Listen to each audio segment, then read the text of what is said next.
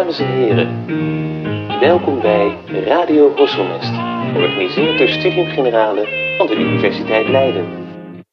Beste luisteraars, welkom bij een nieuwe aflevering van Radio Horselnest. Ik ben Noor Peters van Studium Generale en vandaag zijn we verguld met de komst van filosoof Gijs van Andel.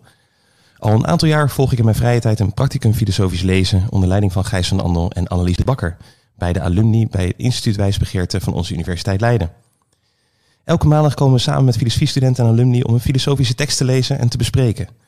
Telkens staat een andere tekst centraal. Zo lezen we momenteel filosofische onderzoekingen van Ludwig Wittgenstein. Gijs van Andel studeerde geschiedenis en filosofie aan de Universiteit Leiden. Momenteel is hij werkzaam als docent filosofie in het middelbare onderwijs. En daarnaast is hij redacteur en bedenker van de website www.filosofie.xiz. Op deze website vind je tal van vragen, voorbeelden en oefeningen voor onderwijzers en andere geïnteresseerden die helpen bij het lezen en schrijven van filosofische teksten en het voeren van een filosofisch gesprek en of het geven van een filosofieles. Zeker een bezoek waard. Vandaag is een poging om iets nieuws te proberen. Doorgaans heb ik en mijn collega Raffaelle hier gesprekken over uiteenlopende onderwerpen. Een historische gebeurtenis, een roman, wetenschappelijk onderzoek, noem maar op. In deze aflevering zullen we pogen om iets anders te doen. De insteek is om geen gesprek te voeren over filosofie, maar een filosofisch gesprek aan te gaan. Gijs stelde voor om daarbij één filosofisch citaat ter hand te nemen als leidraad voor het gesprek. En dat is: Die Natur schlägt in mensen die Augen auf und bemerkt, dass sie da ist. Toegeschreven aan de Duitse romantisch filosoof Friedrich Schelling. Gijs, fijn dat je bij ons wil aanschrijven. Welkom. Dankjewel. Misschien is het goed om te beginnen met de vraag, uh, gewoon een persoonlijke vraag. Waarom heb je besloten om filosofie te gaan studeren? Je studeerde geschiedenis en toen ineens kwam filosofie op je pad. Uh, ja, in zekere zin. Ik heb daar, om het kort te houden, een soort uh, autobiografisch literair antwoord op. Eerst uh, studeerde ik toch voornamelijk de, de, filosofie, of de geschiedenis van de filosofie, moet ik zeggen. En ja, ik had op een gegeven moment een, een hele eenvoudige vraag. Wat is geschiedenis eigenlijk? Bij zo'n college, geschiedtheorie bij Lorenz, Chris Lorenz was dat. En ik kreeg een antwoord dat uh, ja, uit een handboekje geplukt leek. En uh, toen vroeg ik wat door. En ja, al snel uh, ja, werd het wat ongemakkelijk in de collegezaal. En ja, zei hij tegen mij, ja, je moet, eigenlijk, je moet gewoon bij filosofie gaan zitten. Nou, dat ben ik toen gaan doen. Um, op een gegeven moment. En ja, langzamerhand, want ik heb geschiedenis wel afgemaakt ook, um, ben ik van het bestuderen van de geschiedenis van de filosofie overgegaan naar het uh, ja, filosoferen over de geschiedenis. Dus dat is eigenlijk uh, hoe ik achteraf hoor. Ja. Um, ja, mijn gang naar de filosofie. Uh. En wat noopte dan een beetje die vraag, om die, om die wat is vraag te stellen? Ik kan, ik kan er eigenlijk niet goed een vinger achter krijgen. Ik merkte wel een zekere um, snelheid in dat, in, dat, in dat studeren van geschiedenis om toch maar vooral aan de gang te gaan.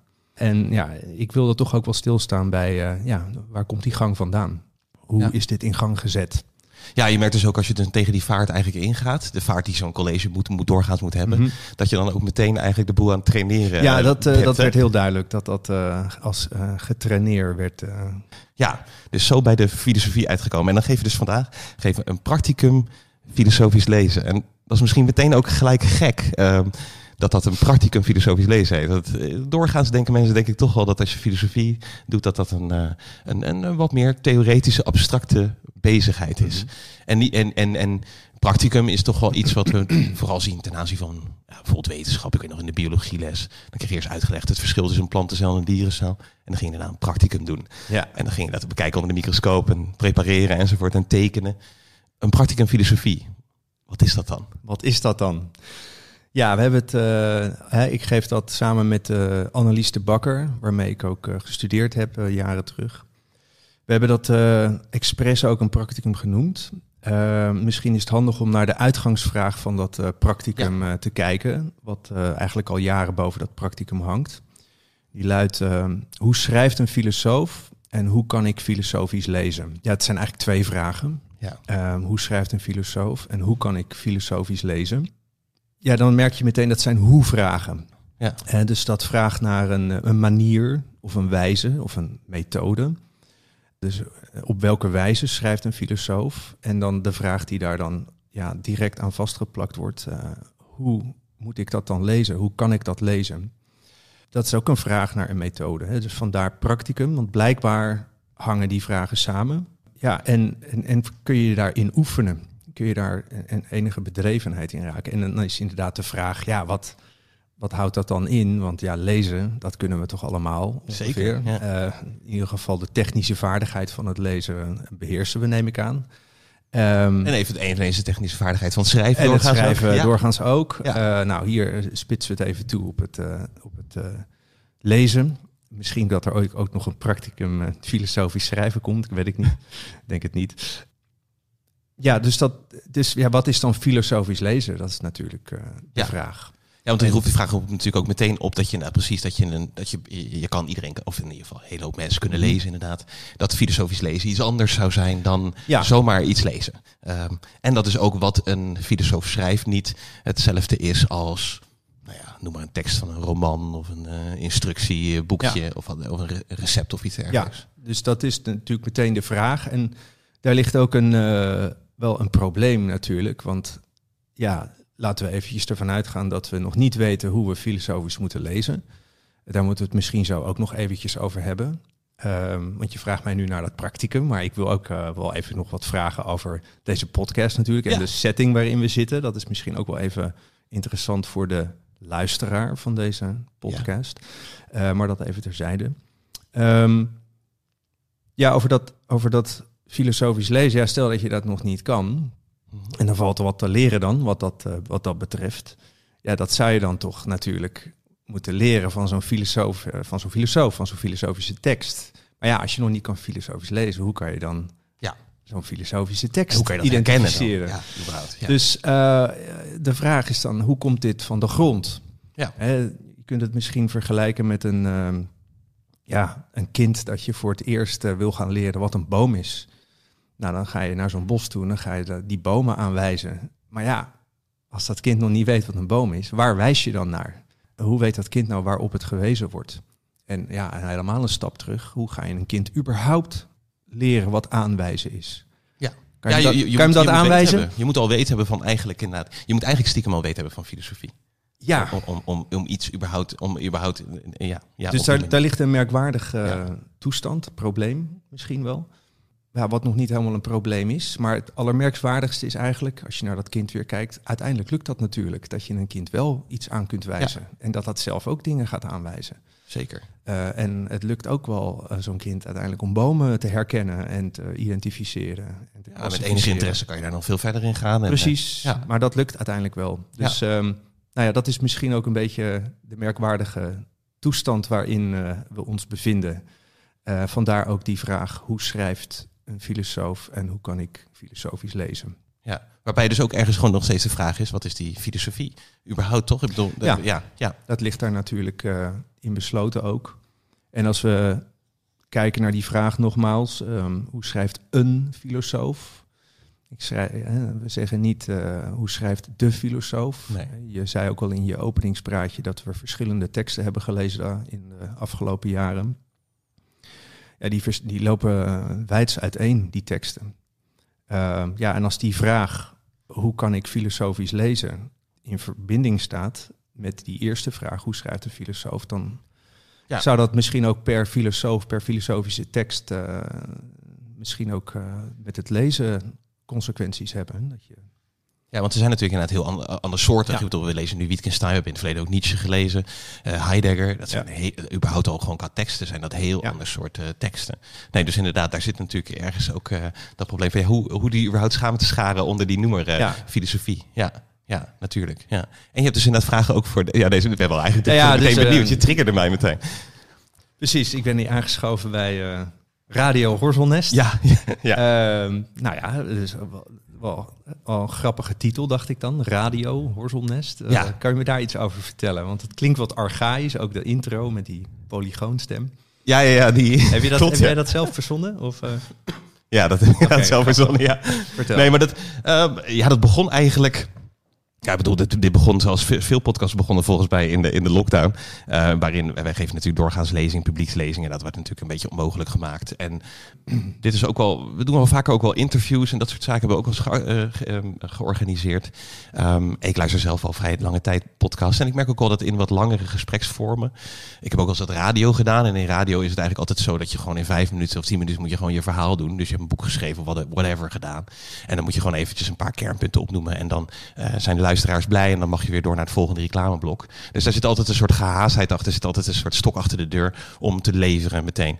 En hier vind ik, ik vind het fijne van een podcast dat je per niet per se die stok achter de deur hoeft te voelen.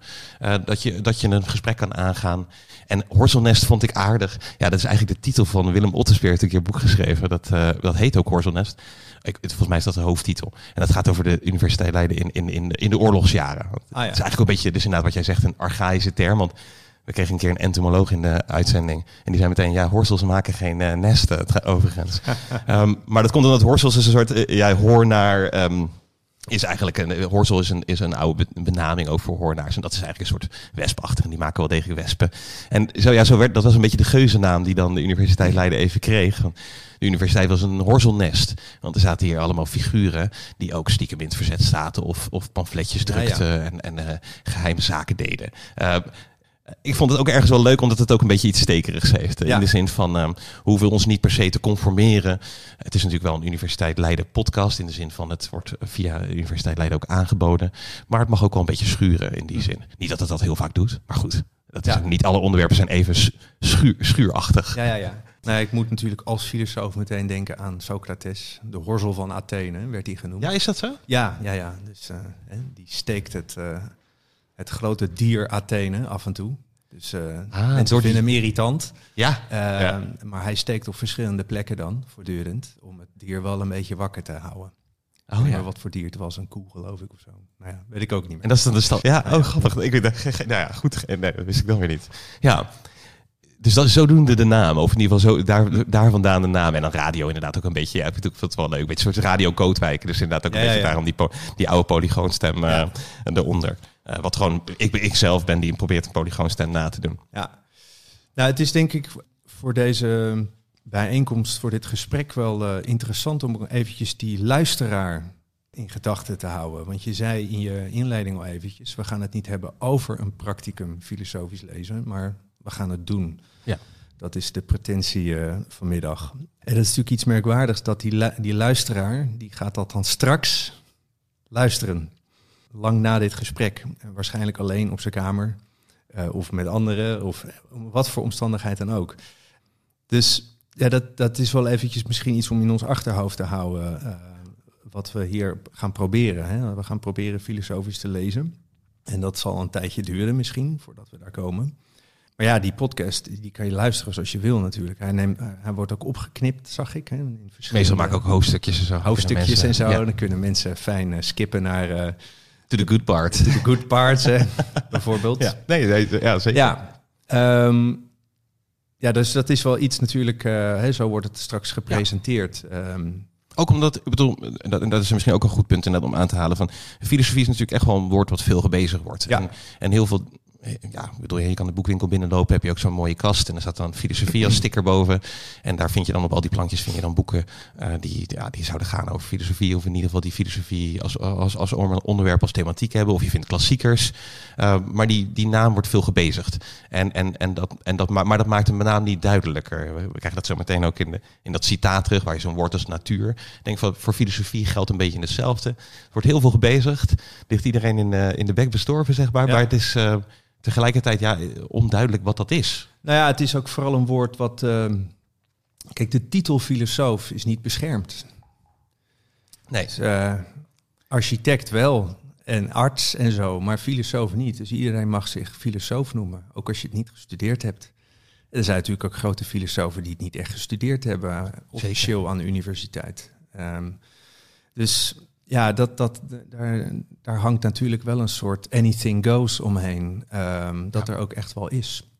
Ja. Ehm, en dat zal wellicht een luisteraar ook wel eh, een beetje hebben als die dit gaat luisteren. Van, oh, gaan jullie mij even vertellen, of jij mij even vertellen wat filosofisch lezen dan is? Ehm, ja, dat is, hè, dus wij zitten hier natuurlijk niet met een soort uh, waarheid als een koe in onze kontzak in deze situatie op dit moment. Denk ik voor de luisteraar. Nee, en ook niet met die voorbedachte raden. Maar het is natuurlijk wel iets dat. Nou, ik vind het zelf aardig dat, je, dat het practicum heet, omdat um, je, je, vergeet wel eens dat het ook een praktijk kent. In de zin van dat je, op zo'n opleiding, ik heb dan ook filosofie gestudeerd, jij hebt ook filosofie gestudeerd, dat je toch voor een heel groot deel inderdaad. Je krijgt de geschiedenis van de filosofie natuurlijk. Je krijgt ook je krijgt in een soort chronologische volgorde. Of je krijgt binnen een bepaalde thematiek.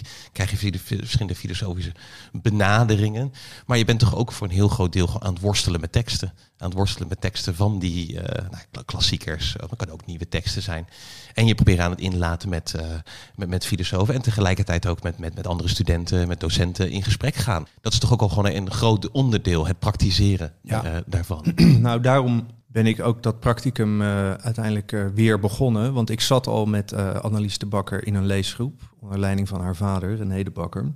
Omdat je inderdaad, ik worstelde ook met die primaire teksten. Die werden in mijn tijd, en dat praten we eind jaren negentig, werden die nog veel gelezen in de colleges. En ja, dat, ik vond het lastig om dat alleen thuis op mijn kamertje te doen. Daar kwam ik wel achter. Ja, en, en die leesgroep heeft me daar erg in geholpen om dat samen te doen. Ik weet nog dat ik in de eerste keer dat ik uh, aanschoof bij, bij Gerard Visser. En dan lees je een stukje Hegel of iets dergelijks. Ja, en dan merk je ook gewoon de ontzettende uh, drempel. Uh, dat, dat, in je eentje ga je dat dan voorbereiden inderdaad van tevoren. En dan merk je al gauw dat je in zo'n collegezaal zit. En dat je eigenlijk over alles zo'n beetje heen hebt gelezen wat, wat, wat, wat in die tekst ter sprake wordt gebracht. Um, en dat je ook veel te vlug je er vanaf maakt op een bepaalde manier, ja. zo'n tekst. Je glijdt er toch heel makkelijk overheen. En ik merk zelf inderdaad ook altijd als je met elkaar in gesprek gaat en je leest een tekst en je probeert dat ook serieus te nemen, dat je, dat je het ook je, eh, de vaart, het haalt even je vaart weg. Mhm. Je gaat niet zo snel uh, uh, al weten wat het is of al, al, al ja. tekst lezen en andere zaken erbij pakken. Nou, het is ook gewoon uh, fijn om gelijkgestemden te hebben die in hetzelfde schuitje zitten. Dat het inderdaad lastig is om die teksten te lezen. En kijk, de menselijke nieuwsgierigheid is fragiel. En bij mij in ieder geval. Dus uh, ik ben zeker nieuwsgierig naar dat soort uh, moeilijke teksten. Maar ja, op een gegeven moment word je natuurlijk lui en moe en dan wil je weer wat anders doen. Dus het heeft mij, die leesgroepen hebben mij enorm geholpen in mijn studie om wel door te gaan daarmee. Nou, een aantal jaar geleden, hè, en dan hebben, zijn we allemaal een beetje afgestudeerd en uit de kinderen en zo, bedachten wij, we moeten weer zo'n leesgroep gaan doen om, om hiermee door te kunnen gaan. Ja, en, en dan hebben we dus inderdaad ook een, een zin, tenminste een, een zin uh, ja, om vandaag te lezen. Ja, ik heb, uh, hè, want je vroeg uh, welke teksten gaan we dan doen. ja, ja, en, nou, mijn gedachte was wel, laten we proberen filosofisch te gaan lezen. Ja. en echt met nadruk proberen, want het moet altijd nog maar weer lukken. En we moeten maar kijken hoe dit gesprek gaat lopen. Ja, en dus dat gesprek is heel belangrijk, denk ik, hierover. Daarom net ook even die luisteraar in ons achterhoofd. Want als een gesprek goed lukt, een filosofisch gesprek, dat zie je bijvoorbeeld aan, nou ja, om maar eens eventjes een groot voorbeeld te noemen, de dialogen van Plato. dat heeft een bepaalde gang. En het heeft geen zin om te gaan skippen in die gang. Of eventjes de laatste pagina's te lezen van, uh, oh, is dit de conclusie? Uh, die, zeker in die vroege dialoog is dat vaak een aporie. Dus en ja, het is echt wel belangrijk om die gang daarvoor, die gang tot die toestand, om die ook mee te voltrekken. En dan een aporie in de zin van, dat is misschien ook wel even oh ja. goed. Een toestand waarin je... Je kan niet verder. Niet verder. Je, je komt er niet uit, je bent er niet uitgekomen. Uh, in zo'n toestand komen ze vaak terecht. Um, het, heeft, het heeft niet zo'n zin om die, om die die gang daarvoor of die gang daarheen, om die te skippen. Dus als het lukt, hè, dit gesprek, uh, ja, dan zal je het echt helemaal moeten uit, uithoren als luisteraar. Maar als het mislukt, ja, dan kunnen we aan het einde zeggen: nee, je, je kan niet skippen naar hoofdstuk 7 als je gaat alle. dan kan je, als je alleen geïnteresseerd bent in de conclusie. Ja, het, het lijkt een beetje op een, uh, op een muziekstuk misschien. Dat kan je ook niet echt samenvatten. De Matthäus Passion in één akkoord of zo. Nee, nee, nee, nee. Je kan ook niet het slotakkoord spelen en dan heb je de, dan heb je de zaak gehad. Er zitten geloof ik alle tonen in dan die je maar kan bedenken. Dus. ja, precies. Nee, zeker. Um, is het nog goed om, om voordat, we dat, uh, voordat we die zin um, um, aansnijden, om, om, dat, om nog iets te zeggen bij die, over de filosofische methode? Of is dat juist iets wat... Nou, wat we hebben gedaan toen we dit practicum gingen uitdenken, we hebben een aantal richtlijnen opgesteld. En uh, ook is weer uh, gekozen. Dus we hebben niet gezegd het zijn regels die je zou kunnen overtreden. Want zoals we zeiden al, filosoof is niet een uh, beschermde titel of iets dergelijks. Het zijn richtlijnen, niet regels. Je kunt ze dus ook niet echt overtreden. Dus je krijgt geen pets op je vingers of zo. Wat je misschien bij een natuurkunde practicum wel uh, krijgt, denk ik zomaar. Hè? En dan krijg je natuurlijk gewoon instructies. Ja. Als je, bijvoorbeeld als je zo'n plantencel wil zien, dan krijg je gewoon instructies. Dit moet je doen. Om hem ja, en je krijgt hem ook gewoon niet echt te zien als je hem... Uh, hè, als je de regels overtreedt. Ja, zeker. Dus dit zijn uh, richtlijnen. En ja, als je naar het woord richtlijn kijkt, dan zit daar het woord richting in. En dat is wat ze uitdrukkelijk doen. Ze wijzen je in een bepaalde richting, een bepaalde kant op. En dat impliceert natuurlijk dat je een andere kant niet opgaat. Dus dat zou de, de, de, de, de aanwijzing kunnen zijn voor de luisteraar ook. Van nou ja, als je al een beetje sceptisch eh, hier tegenover staat. Van nou probeer maar eens een tijdje misschien een eindje mee te gaan in die richting. Om te kijken ja, waar, wat dat, waar je dan terecht komt. Ja. Dat zou eigenlijk de, de gedachte zijn. Ja, en een van die richtlijnen, of in ieder geval een van die, die eh, manieren om richting te geven. Eh, misschien eentje om uit te lichten. Jullie hebben er inderdaad veel meer. Dat hoeven we misschien niet allemaal te benoemen. Uh, maar wat ik wel een hele aardige vind, is inderdaad, ja, neem die tekst serieus. Of neem de schrijver van de tekst en het geschrevene serieus. Dat is geloof ik de eerste, hè? Ja. Lees sympathiek. Ja. Ja. En dat is, dat is geformuleerd in een uh, gebiedende wijs. Ja, dat is natuurlijk. Lees, sympathiek. Ja, dat, ja, dat, kan je zo, dat kan je zo doen. Ja. Ja, daar ligt natuurlijk ook al een, uh, een soort veronderstelling in besloten. Blijkbaar doe je dat dus niet. Daar nee. moet je toe opgeroepen worden. Daar ligt een aanspraak in. Nou, en dat, dat zou de, de luisteraar die in een uh, nabije toekomst dit mis, of in een verre toekomst dit misschien luistert. Het is ook uitdrukkelijk als een aanspraak uh, ja. bedoeld. Je kunt je hierdoor laten aanspreken, een tijdje. Ja. Aanvankelijk. Ja, want inderdaad, wat je zegt, het is inderdaad iets wat je normaal niet doet. En, en dat is ook heel herkenbaar als je ook als je de opleiding filosofie begint. Dan je denkt toch al heel gauw, uh, ja, ik weet wel beter. Of uh, je leest een oude tekst, uh, tekst van Descartes, en dan denk je, ja, maar dat is toch ook een gepasseerd station op een bepaalde manier. Hè? Dat, dus ik, ik weet het niet, hè? Ik weet, nee, er zijn misschien uh, luisteraars die ook denken van, nou, ik lees hartstikke sympathiek ja. uh, en dergelijke. Dus we zullen het gaan, hè, ja. dus we kunnen nu over die richtlijnen gaan praten, maar we nee. kunnen ook gewoon ja. het gaan proberen. En die richtlijnen, er zijn er inderdaad nog een aantal. Die komen we dan vanzelf wel tegen, denk ik. Ja, um, denk het ook. Het zijn overigens allemaal imperatieven. Dus dan er liggen overal aansporingen op ons te wachten. Ja. Als we dit uh, pad in gaan slaan. Ja. Misschien. Nou, dan die zin. Um, ik zei al even uh, een, een, een, citaat van, van Schelling, uh, Duitse filosoof. en dan krijgen we inderdaad in het Duits. Ik zal hem ook even vertalen daarbij. Uh, maar eerst even in Duits. Uh, die Natur schlägt in Menschen die Augen auf und bemerkt, dass sie da ist. Ja, mag ik meteen even ja. inbreken? Ik had hem in iets andere volgorde, had ik hem je toegestuurd. Oh. Dus, uh, maar dat maakt denk niet heel veel uit. Um, in Menschen yeah. schlägt die Natur ihre Augen auf und bemerkt, dass sie da ist. Ik vond, ja, zo, ik vond, ja, zo gaat dat in het Duits. Hè? Dan, dan, kan je met die naamvallen kan je dat uh, makkelijker husselen. Zo'n zin. Ja, ik, ik had ook verschillende schrijfwijzen gevonden, maar ik bedoel, het is goed om even inderdaad uh, de. En, en dan, ik heb, ik heb, ik heb hem dan gewoon even uh, vertaald. En vertaal ik dus wel eventjes dan degene die ik net oplas. Maar goed, is, het is niet heel anders volgens mij inderdaad. Um, de natuur slaat in de mens de ogen op en bemerkt dat ze er is. Ja. Ja. Nou, als we even heel nauwkeurig kijken, ja. Dan uh, merk ik meteen een foutje op. Ja? Ja, het is ihre Augen. Dus, dus in de mens slaat de natuur, slaat de natuur haar ogen op. Haar ogen op. Ja. En bemerkt uh, dat, ze, dat, ze, uh, dat ze er is. Ja. Dat is natuurlijk wel meteen een... Nou ja, ik zit al in eerste instantie zit ik al te kijken naar als je hem ontleedt. Dat is een... Um, het is een wat, het is wat een, een vreemde zin, omdat je, nou, als je wat kijkt inderdaad naar het onderwerp, nou, dat is dan natuur. En dan heb je leidend voorwerp is uh, ogen. En dan krijg je eigenlijk al meteen het gekke dat je dus ook de mensen daarbij hebt. En grammaticaal is dat volgens mij hier een meewerkend voorwerp. Zullen we eens even kijken ja. dit werkt? Dus we zijn nu aan het vertalen. Dat ja. is uh, een van de richtlijnen ook, vertaal. Dus hè, je stuit meteen op allerlei merkwaardigheden. Dus uh, we lezen inderdaad in de grondtaal. Ja. ehm, die teksten. En, Ehm, en waarom? Want dat ja. is misschien ook al. Precies, eh, er zijn toch vertalingen zat. Ja. Ehm, die zijn er, inderdaad. Dus die schuwen we niet. Dus we lezen niet alleen in de grondtaal. We lezen in de grondtaal en in de vertaling. En het liefst vertalen we ook zelf. Dus we lezen nooit alleen maar in de grondtaal. Ja, waarom zou je dat doen? Nou ja, je zegt net zelf al, het is merkwaardig. eh, in, in het vertalen zelf zitten al een aantal merkwaardigheden.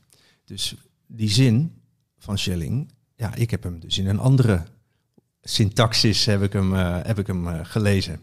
Ja. En jij vindt hem weer in deze syntax. Dat kan. En er zijn ook verschillende van, varianten van, deze, van dit citaat in omloop. In het Duits kan dat. In het Nederlands kan dat tot op zekere hoogte. Maar veel minder bijvoorbeeld al. Ehm, dus je, je, stuit op eh, merkwaardigheden in die vertaling. En dat is belangrijk eh, in het eh, filosofisch lezen, dat we daar wakker bij zijn.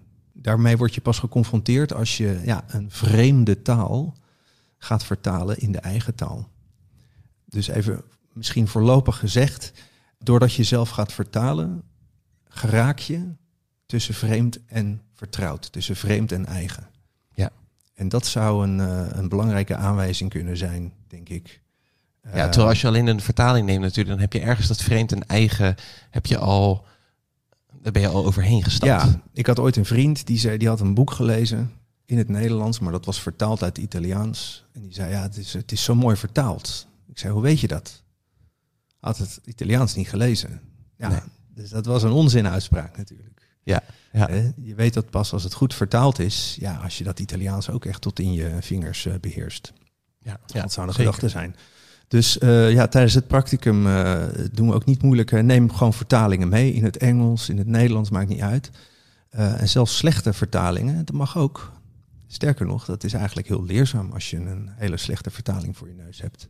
Ja, Want, ja, want je merkt om- ook meteen, jij, jij, jij, eh, dus jij zegt inderdaad heel terecht, inderdaad, je corrigeert meteen inderdaad dat ieren, dat ik dat verkeerd hier vertaal. jij Of- deed geloof ik de ogen. toch? Ja. ja. Ja, eh, terwijl haar ogen. Maar ook daar merk je dan meteen inderdaad, ja, dat is eigenlijk gek, want dat wijst inderdaad dan terug op nou, die natuur. Ja. Dat is vrouwelijk. Ja. En dan denk je meteen, ja, maar goed, eh, Mhm. een natuur die de ogen opslaat, Haar ogen. haar ogen opslaat, dat is eh, eh, bevreemdend. Want dat, he- eh, dat, ze heeft toch geen ogen, hè? Laten we wel eens, dat Nou heeft ja. die mens. Precies. Ja. Dus eh, hè, je ziet als je dus nauwkeurig gaat kijken naar zo'n citaat, dan kunnen je dit soort dingen ook echt opvallen. Eh, vandaar ook dat ik maar, eh, hè, toen jij zei, eh, gaan we een paar, welke teksten gaan we doen? Ja, nou, ja. Laten we gewoon één citaat doen, want dat is behapbaar. Binnen, Ehm, binnen afzienbare tijd. binnen inderdaad. afzienbare Ja, tijd, ja, inderdaad. zeker. Anders ga je toch wel heel snel weer over teksten praten. En dat was nou juist niet wat we gingen proberen te doen nu. Hè? Ja, Dus we, ja. Dus dan heb je dus al gelijk dat je dus inderdaad een, een, een, een, een vreemdheid eigenlijk krijgt in dat, in dat vertalen. Eh, dat je dus, ja, eh, dat, dat ogen eh, hier... Ik bedoel, maar dan misschien ben ik te snel nu gelijk aan het lezen hoor. Maar ogen Laten we hier, eerst gewoon eens ja. eventjes stilstaan bij die vertaling zelf. Dus im Menschen schlägt die Natur ihre Augen auf und bemerkt, dass sie da ist. Dus in dat im Menschen, dat zei je al, dat vertaalde jij als in de mens. Hè? in de mens. Ja, toch? Dat zei je Ja, ja, ja, ja, ja, ja, ja, want ehm, en, en ja, wat is dat, eh, dat woordje im hier? Een samentrekking van indem. Indem. Ja, en dat dus wat, wat is dat voor een eh, samentrekking?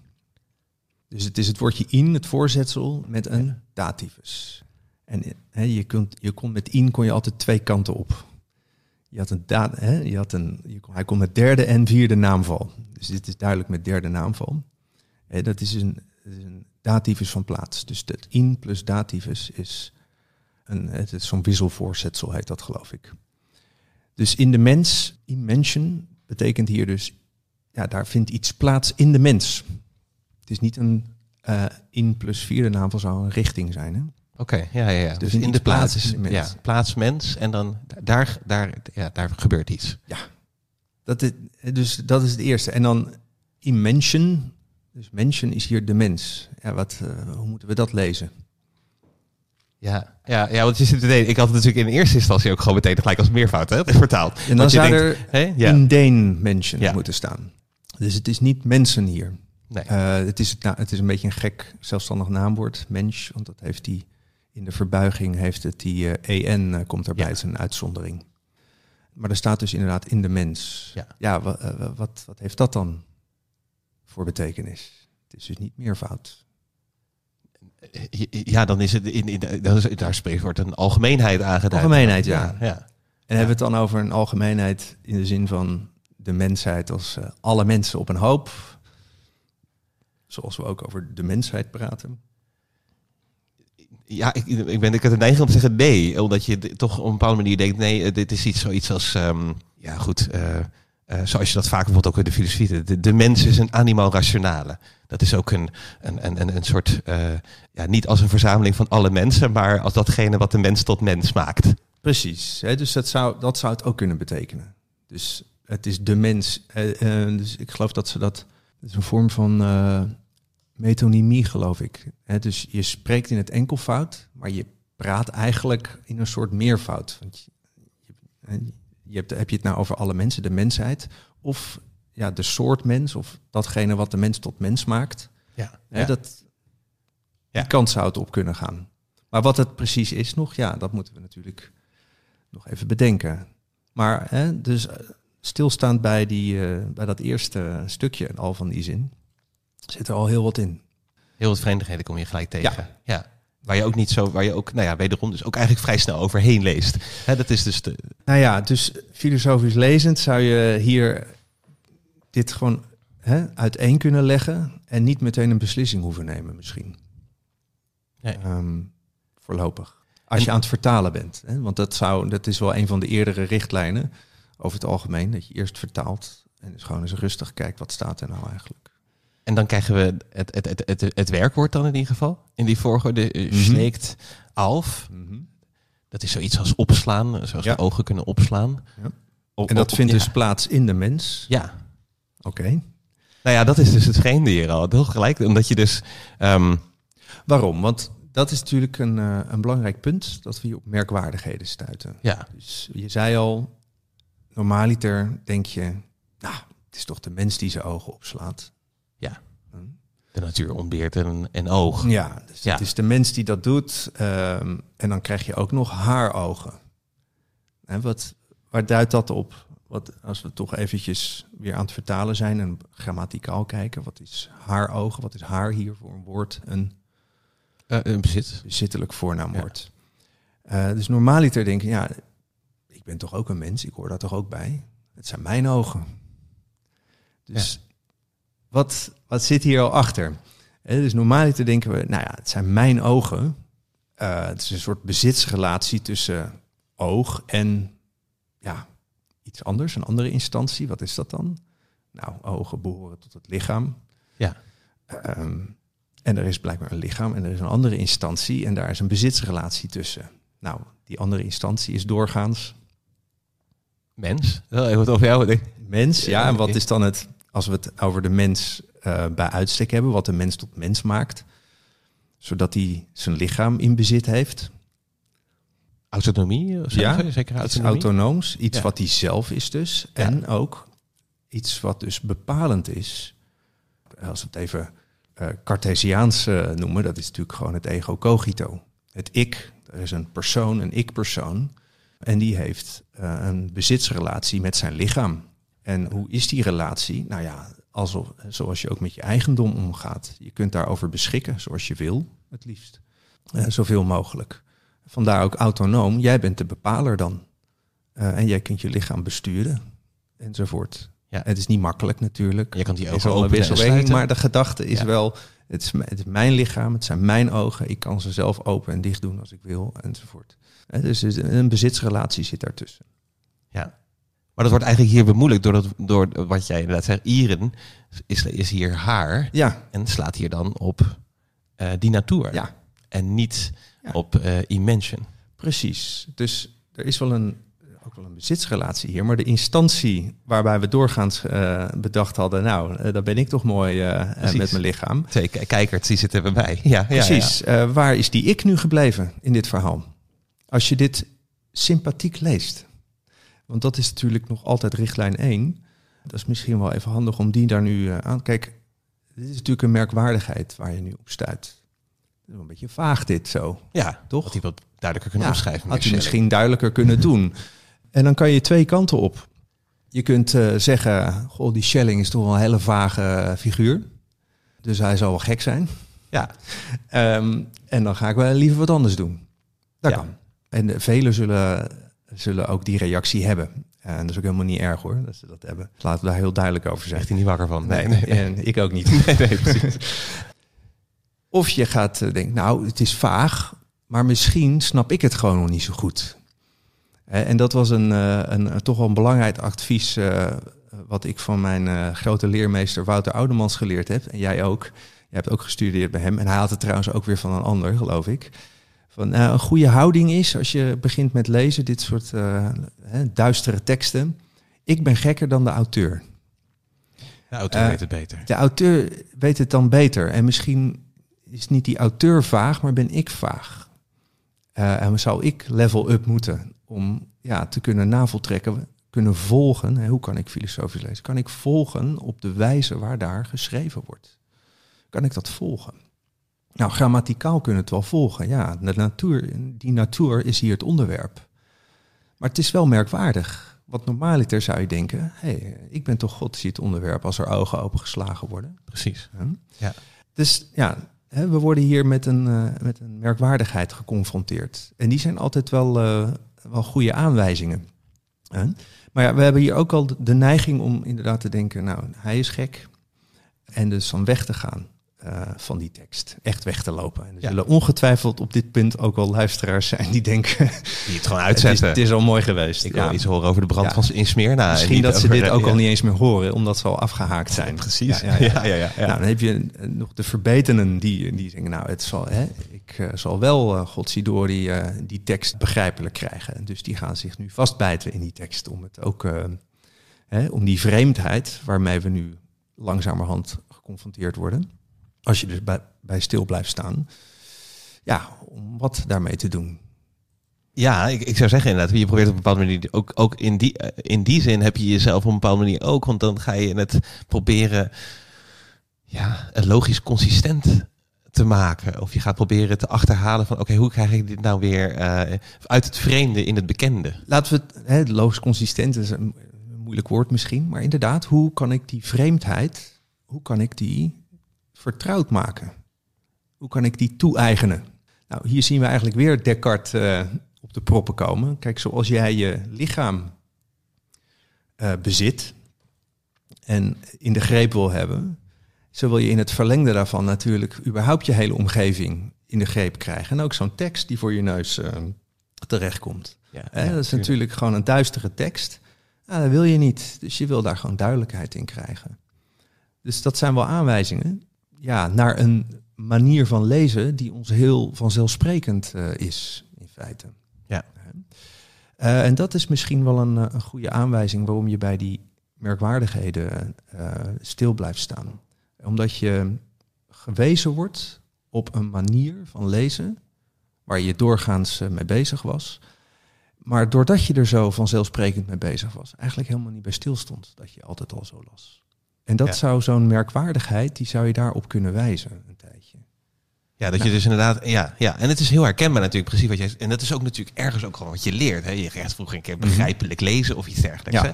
Dat is ook zo. Begrijpelijk lezen. Begrijpelijk lezen, ja. Precies. grip krijgen op, eh, Grip krijgen op, op, het, op het geschrevene. Ja. Ja. Ja. Ja. ja. en op twee manieren. Dus je kan ofwel het, het vreemde gewoon wat je tegenkomt gewoon wegzetten als vreemd. En, Ja. en, eh, en niet de moeite waard om überhaupt te Nou, bestuderen. die luisteraars zijn al ja, afgehaakt, die zijn al. denk ik nu. ja, ja, ja. Eh, maar dan, eh, dan komen nu de, doorgaans de strategieën van stal om die tekst, die duistere tekst, toch wat begrijpelijker te krijgen. Nou, wat, wat, is, wat is nou echt een strategie om wat meer duidelijkheid te krijgen over het algemeen? Heb je, wat, wat zouden we nu kunnen gaan doen? Nou ja, ik denk in ieder geval bij zo'n eh, zo'n tekst als dit. eh, eh, en bijvoorbeeld een neiging die je gewoon op een bepaalde manier zelf, die ik zelf ook voel, is ehm, natuur. Jemig. Wat een woord haal je daaraan. Hè? Ik bedoel, eh, dat, dat, is een. eh, eh, je hebt dan meteen het idee van, maar wat, wat heeft die Schelling misschien nog meer geschreven over natuur? Precies. Of, of eh, ja, he- Dus- he- hebben we iets van context waardoor Hebben we een dit beetje kunnen- context eh, waar, waarbinnen we dit citaat kunnen inbedden. Hè? En waar die man en misschien nog wat duidelijker uitlegt wat hij hier nou allemaal eh, zo eh, zeer geconcentreerd uh, samenpalt. Hm? Ja. Zoiets. Nou ja, daar hebben we helaas geen tijd voor nu om het uh, oeuvre van Schelling even door te nemen. Nee, nee, nee. Het vergt je hele leven zo'n beetje om dat, om dat te gaan doen. En de echte verbeterde lezer, ja, die zal daar misschien zijn tanden in gaan zetten. En als die echt doorzet, zal die ongelooflijk Schelling-specialist worden. En dan zal hij uh, ongetwijfeld heel veel meer over deze zin kunnen zeggen. Uh, dat, is, uh, dat, is, dat is een strategie natuurlijk, dat je het in de context gaat inbedden. Ja, waarom is dat toch een weg die we, die we niet gaan inslaan hier, buiten het, het praktische tijdsframe waarin we zitten? Ja, dat, ja, ik vond dat ook zelf lastig. Dat, het zou mijn neiging ook zijn Ja, om, meteen eh, bij Schelling te kijken. God, waar, waar zegt hij dit Ja. dan in de tekst? Ja, En, en waar, wat is het begin van de redenatie en het einde van de redenatie? En dan zit die, deze zin die zit daar ergens tussen. Eh, en, en tegen die achtergrond...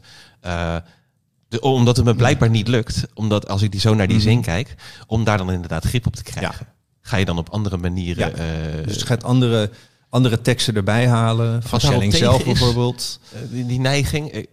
ik denk ik in ieder geval, en eh, iedereen die je snel voelt. Ja. Eh, ja, Zeker. En ik denk ook, eh, die neiging die is er. En ehm, je ontkomt er ook niet aan. Ik denk ook echt wel dat je, dat je veel meer zal moeten lezen en zo. Dat ik, dus ik zeg ook helemaal niet dat je dat niet moet doen. Alleen de vraag is, is dat ook filosofisch lezen? Dus stel dat je er andere teksten bij gaat halen van Schelling zelf... of misschien van tijdgenoten of van mensen die over Schelling hebben geschreven. Waarom doe je dat over het algemeen? Wat ga je dan doen? Ja, het is weer een andere manier om die vreemdheid eh, in de bekendheid te, te krijgen. Ja, dus je Eh, gebruikt die teksten om dit fragment mee te vergelijken. Ja. Dus je gaat een vergelijking doen tussen teksten, liefst teksten die je al wel begrijpt. En daarmee ga je het vreemde inderdaad proberen ja, gelijk te trekken. Dus daar zit al snel een tendens in van egaliseren. Dus dat je dat vreemde gaat aansnijden vanuit datgene wat je al weet, wat je al wel weet. En het eh, op die manier eh, ja, in je eigen bekende, vertrouwde eh, kennis Ja. probeert in te passen. En dan kan je natuurlijk inderdaad, en je, je zegt het natuurlijk heel terecht, ja, dat is natuurlijk op, op een heel, helemaal geen probleem. Je mag prima een heel proefschrift Nee, ik- schrijven ik- over ik het al- natuurbegrip bij, bij, bij Schelling of iets Ik dergelijks. zei ook al, de, er zijn genoeg filosofen die zo schrijven. Eh, er zijn genoeg vertalers van de filosofie die een zo eigentijds mogelijke vertaling proberen te maken. Om het zo toegankelijk mogelijk te maken. Dus dat is een tendens die, die ook in de filosofie heel sterk is. De richtlijnen die wij eh, eh, hebben opgesteld, die wijzen echt een andere richting in. Dus een van de richtlijnen is, en dat is een hele belangrijke, denk ik, die we ook in dat practicum vaak, vaak toepassen, blijf bij de tekst. Dus je hebt echt de neiging, al vrij snel, om iets wat vreemd is, een vreemde, een vreemde tekst, om naar een andere tekst te hollen om hem eh, in te passen. Maar wat je eigenlijk doet, is dat je hem dan gelijk trekt Ja. aan wat je al weet.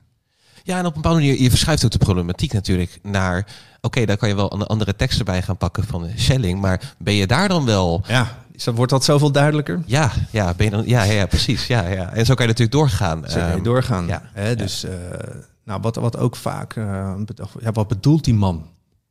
Is ook vaak eentje die dan eh, langskomt. De bedoelingen van Schelling moeten we achterhalen. En dan ga je natuurlijk in zo'n tekst terugkijken. Want ja, die bedoeling gaan we niet meer achterhalen. Want die man is morsdood natuurlijk. Zeker. Eh, dus die zullen we nooit meer te spreken krijgen. Ja, misschien via een medium of zo. Maar zelfs als dat lukt, Ja, ja. Is een Ouija-board. Meneer Schelling. ja. Stel dat Schelling dan, nou, hey, hey, eh, Schelling, wat bedoelde je daar nou mee, joh? Met in Menschen schlägt die Natur ihre Augen auf. Nou, dan gaat hij natuurlijk praten in dat Duits van hem. Dan denk je dat het dan iets duidelijker wordt. Nee, Dan precies. krijg je alleen maar meer woorden waarschijnlijk van hem. Ja. Dus ook dat verlegt het probleem. Überhaupt het hele probleem van het ja, achterhalen van intenties. Hè. Dus ja, die lui zijn dood, dus we kunnen ze niet meer spreken. Maar zelfs als je iemand al kan spreken, ja, wat, hoe wilde je, hoe wilde je nou de intentie losweken van het gesproken woord of het geschreven woord? Dat, is, dat is natuurlijk iets heel merkwaardigs. Probeer het maar eens bij jezelf. Ik heb een bepaalde bedoeling. Dus de, de, de concatenatie van eh, veronderstellingen die al rondom dat bedoelingen liggen. Dus ik heb een bepaalde bedoeling, een gedachte, die heb ik in mijn bezit Intentie, ja, zeker. en die Ja. ga ik nu mededelen. Dus Dus die ga ik overdragen eh, aan anderen. Dus dat ga ik dan inpakken in taal. En dan ga ik dat via Radio Horzelnest, ga ik dat de ether in, voor het grote wereldwijde web, ga ik dat uh, presenteren aan anderen. Ja, en die moeten dan die gedachten weer uitpakken uit die taal en dergelijke. Dus er is een enorme concatenatie van veronderstellingen liggen hier omheen. Maar de, de eenvoudige vraag, hoe kan ik zelf onderscheid maken tussen mijn bedoeling, mijn gedachten die ik heb, en dan de, de talige verpakking waarin ik hem verpak? Heb ik een soort positie die ik in kan nemen waarin ik beide kan overzien? Nee, nee die ontbeert je natuurlijk. Ja. dat lijkt me heel lastig om dat hard te maken. Bovendien, ook dat helpt je, precies wat jij zegt. Je krijgt, zelfs al zou je het kunnen vragen, krijg je een hoop woorden terug. Je krijgt woorden terug. Het is maar wel de vraag of dat bevredigend is. Hij kan wel gewoon zeggen, god, ik had helemaal geen bedoeling. Nou, bijvoorbeeld ja. Mee, of, uh... nou, je hebt in die filosofische onderzoekingen die we nu lezen, in het practicum heb je een fantastische paragraafje, 293 waarin uh, allemaal mensen rondom een tafel zitten en die hebben dan een doosje voor hun neus. En in dat doosje zit een kever. dan zegt hij, ja, niemand kan in jouw doosje kijken. Jij alleen kan in dat doosje kijken. En dan gaan ze praten over die kever. En dan zegt hij gewoon, ja, nou er wordt er gewoon gesproken over die kever. Maar heb je nou daadwerkelijk ook die kever in dat doosje nodig waarover gesproken wordt? Als niemand anders erin kan kijken Nee, dan zegt hij, nee hoor, dat ding heb je helemaal niet nodig. Ja. Ja. Dat ding in zijn schachtel, dat kan gekürzt werden. Dat, dat, is niet nodig. Er hoeft niks in te zitten. Of het kan, het kan er bij iedereen anders uitzien of iets dergelijks. Ja. Dus het is een soort bizar voorbeeld. Maar ja, dat is wel als je inderdaad met zo'n vreemde tekst geconfronteerd wordt en je gaat vragen naar de bedoelingen van een auteur, dan zit je eigenlijk een situatie te creëren dat je gewoon ja, een soort doosje verondersteld bij mhm. die Schelling, waarin ja, een soort gedachte zit die zuiver is en heel duidelijk is. En die zou je moeten achterhalen. Dat is ook hè, bijvoorbeeld de enorme tendens uh, in, bij, bij in ieder geval de colleges die ik gevolgd heb, om het denken van zo'n filosoof ook in verband te brengen met zijn biografie. Ja, ja. ja Hobbes, Hobbes die leefde wel in hele schaarse tijden. Ja, of in de, ja, de einde van de oorlog. Ja, vandaar dat hij zo, uh, pessimistisch wereldbeeld had en zo. Ja. Ja, dan ga je dus niet alleen ga je dus inderdaad uh, zitten gissen naar de bedoeling van, van iemand of de intentie. Ja.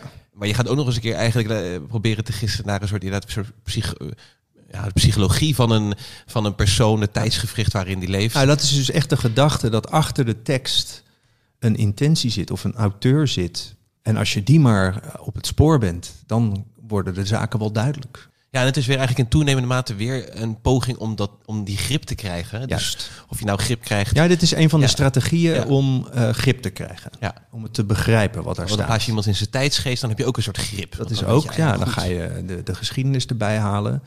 En dan ga je hem hele, dat denken helemaal inbedden in de gang van het denken. Dus dan ben je dus geschiedenis van de filosofie aan het doen. Nou ja, mijn vraag was echt, toen ook al op de universiteit, ja, veel minder gearticuleerd misschien dan nu ja, ben je dan met filosofie bezig? Of ben je niet gewoon geschiedenis aan het doen? En dan over, over het denken. Zoals je ook de geschiedenis van uh, nou, de stad Leiden hebt bijvoorbeeld. Ja. Ja, nee, zeker. Ja, nee, en, en, en ook Oudemans die je al eerder aanhaalde, had dan ook altijd het, het voorbeeld dat het een beetje is alsof je dan een soort rondleiding krijgt door het gekkenhuis. Hè. Dan zit er achter dit raampje zit dan uh, Leibniz. En uh, Leibniz heeft de monade, die heeft een oneindige hoeveelheid ja. substanties. En Descartes heeft twee substanties. En, uh, nou ja, dat, dat, ja, dat is natuurlijk een, het gevaar. En ook met dit citaat, dat het merkwaardig is. En als je, ja, als je daar gewoon aan voorbij loopt, dan loop je inderdaad aan een soort rariteitenkabinet voorbij. Van, oh, wat zegt hij zo'n rare dingen. Ja. En zo'n Leibniz ook, want heeft hij een rare pruik op en zo. Ja, uh, dus vandaar die richtlijn, blijf bij de tekst. Het zijn in feite allemaal neigingen om bij de tekst weg te gaan. Bij het vage uit de weg te gaan en ergens anders je helderheid uh, te vinden. Je keert wel terug naar die tekst, maar vanuit het bekende. Ja. Terwijl, ja, wij zijn nu ook toch wel weg van de tekst geraakt inmiddels. Ja. Maar we werden even door een merkwaardigheid uh, geraakt, namelijk dat het onderwerp van deze zin, van dit citaat, de natuur is en niet de mens. En dat wees ons op een, uh, een hele vanzelfsprekende tendens om onszelf wel als onderwerp uh, niet alleen bij het oog, openslaan van de ogen, maar ook bij het achterhalen van de betekenis van een tekst. Natuurlijk, ja. En ja, ja. als je dit dus sympathiek leest, in de zin van, nou, ik probeer wel serieus te volgen wat hier staat, een tijdje, dan is de vraag echt van, ja, waar ben ik gebleven in dit verhaal? Waar is de ik hier, als het ire augen is? Er vindt blijkbaar iets plaats in de mens. Nou, ik ben er ook een. En, die gekke, en een gekke oppositie die er eigenlijk in schuilt, is dat je, je kan de ogen opslaan, maar de ogen kunnen ook gesloten zijn. Ja, Ook dat is al iets wat natuurlijk ehm, vreemd hier is. Ja. Doorgaans als het over open ogen of gesloten ogen. Nou ja, goed, je ligt in je bed een tijd lang te slapen met je ogen dicht. Je, je knipt af en toe eens wat. En voor de, verder kijk je die, eh, kijk je die Mhm. wereld in. Maar hier ja, is, dit het, is dit het openslaan van ogen in, in die zin. Als we al hebben geconstateerd dat de natuur hier het Mhm. onderwerp is en, en niet de mens. Dan, dat, tenminste, dat geeft misschien ook de, eh, ja, Mhm. of dat eh, geeft ook de vraag eigenlijk van ja, goed, wat is dat openslaan dan ja. van die ogen? Ja, ik, daar moeten we zeker bij stilstaan nog. Ik denk dat we ook een, eh, een beetje de volgorde misschien in de gaten moeten houden. Eh, dus er, dat we daar later even op eh, terugkeren.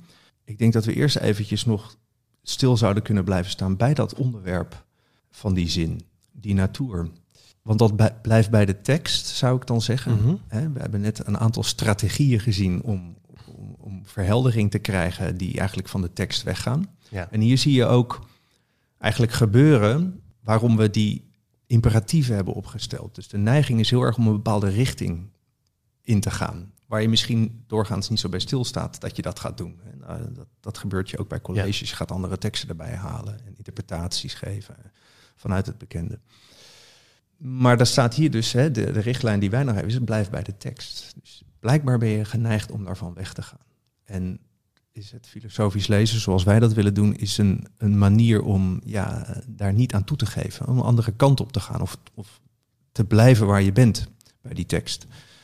En als we, het, eh, hè, als we dat wat we net hebben eh, besproken, dat weggaan van die tekst in ons achterhoofd houden, dan zou, ja, wat is dan blijven bij de tekst? Dus bij dit citaat blijven. Mhm.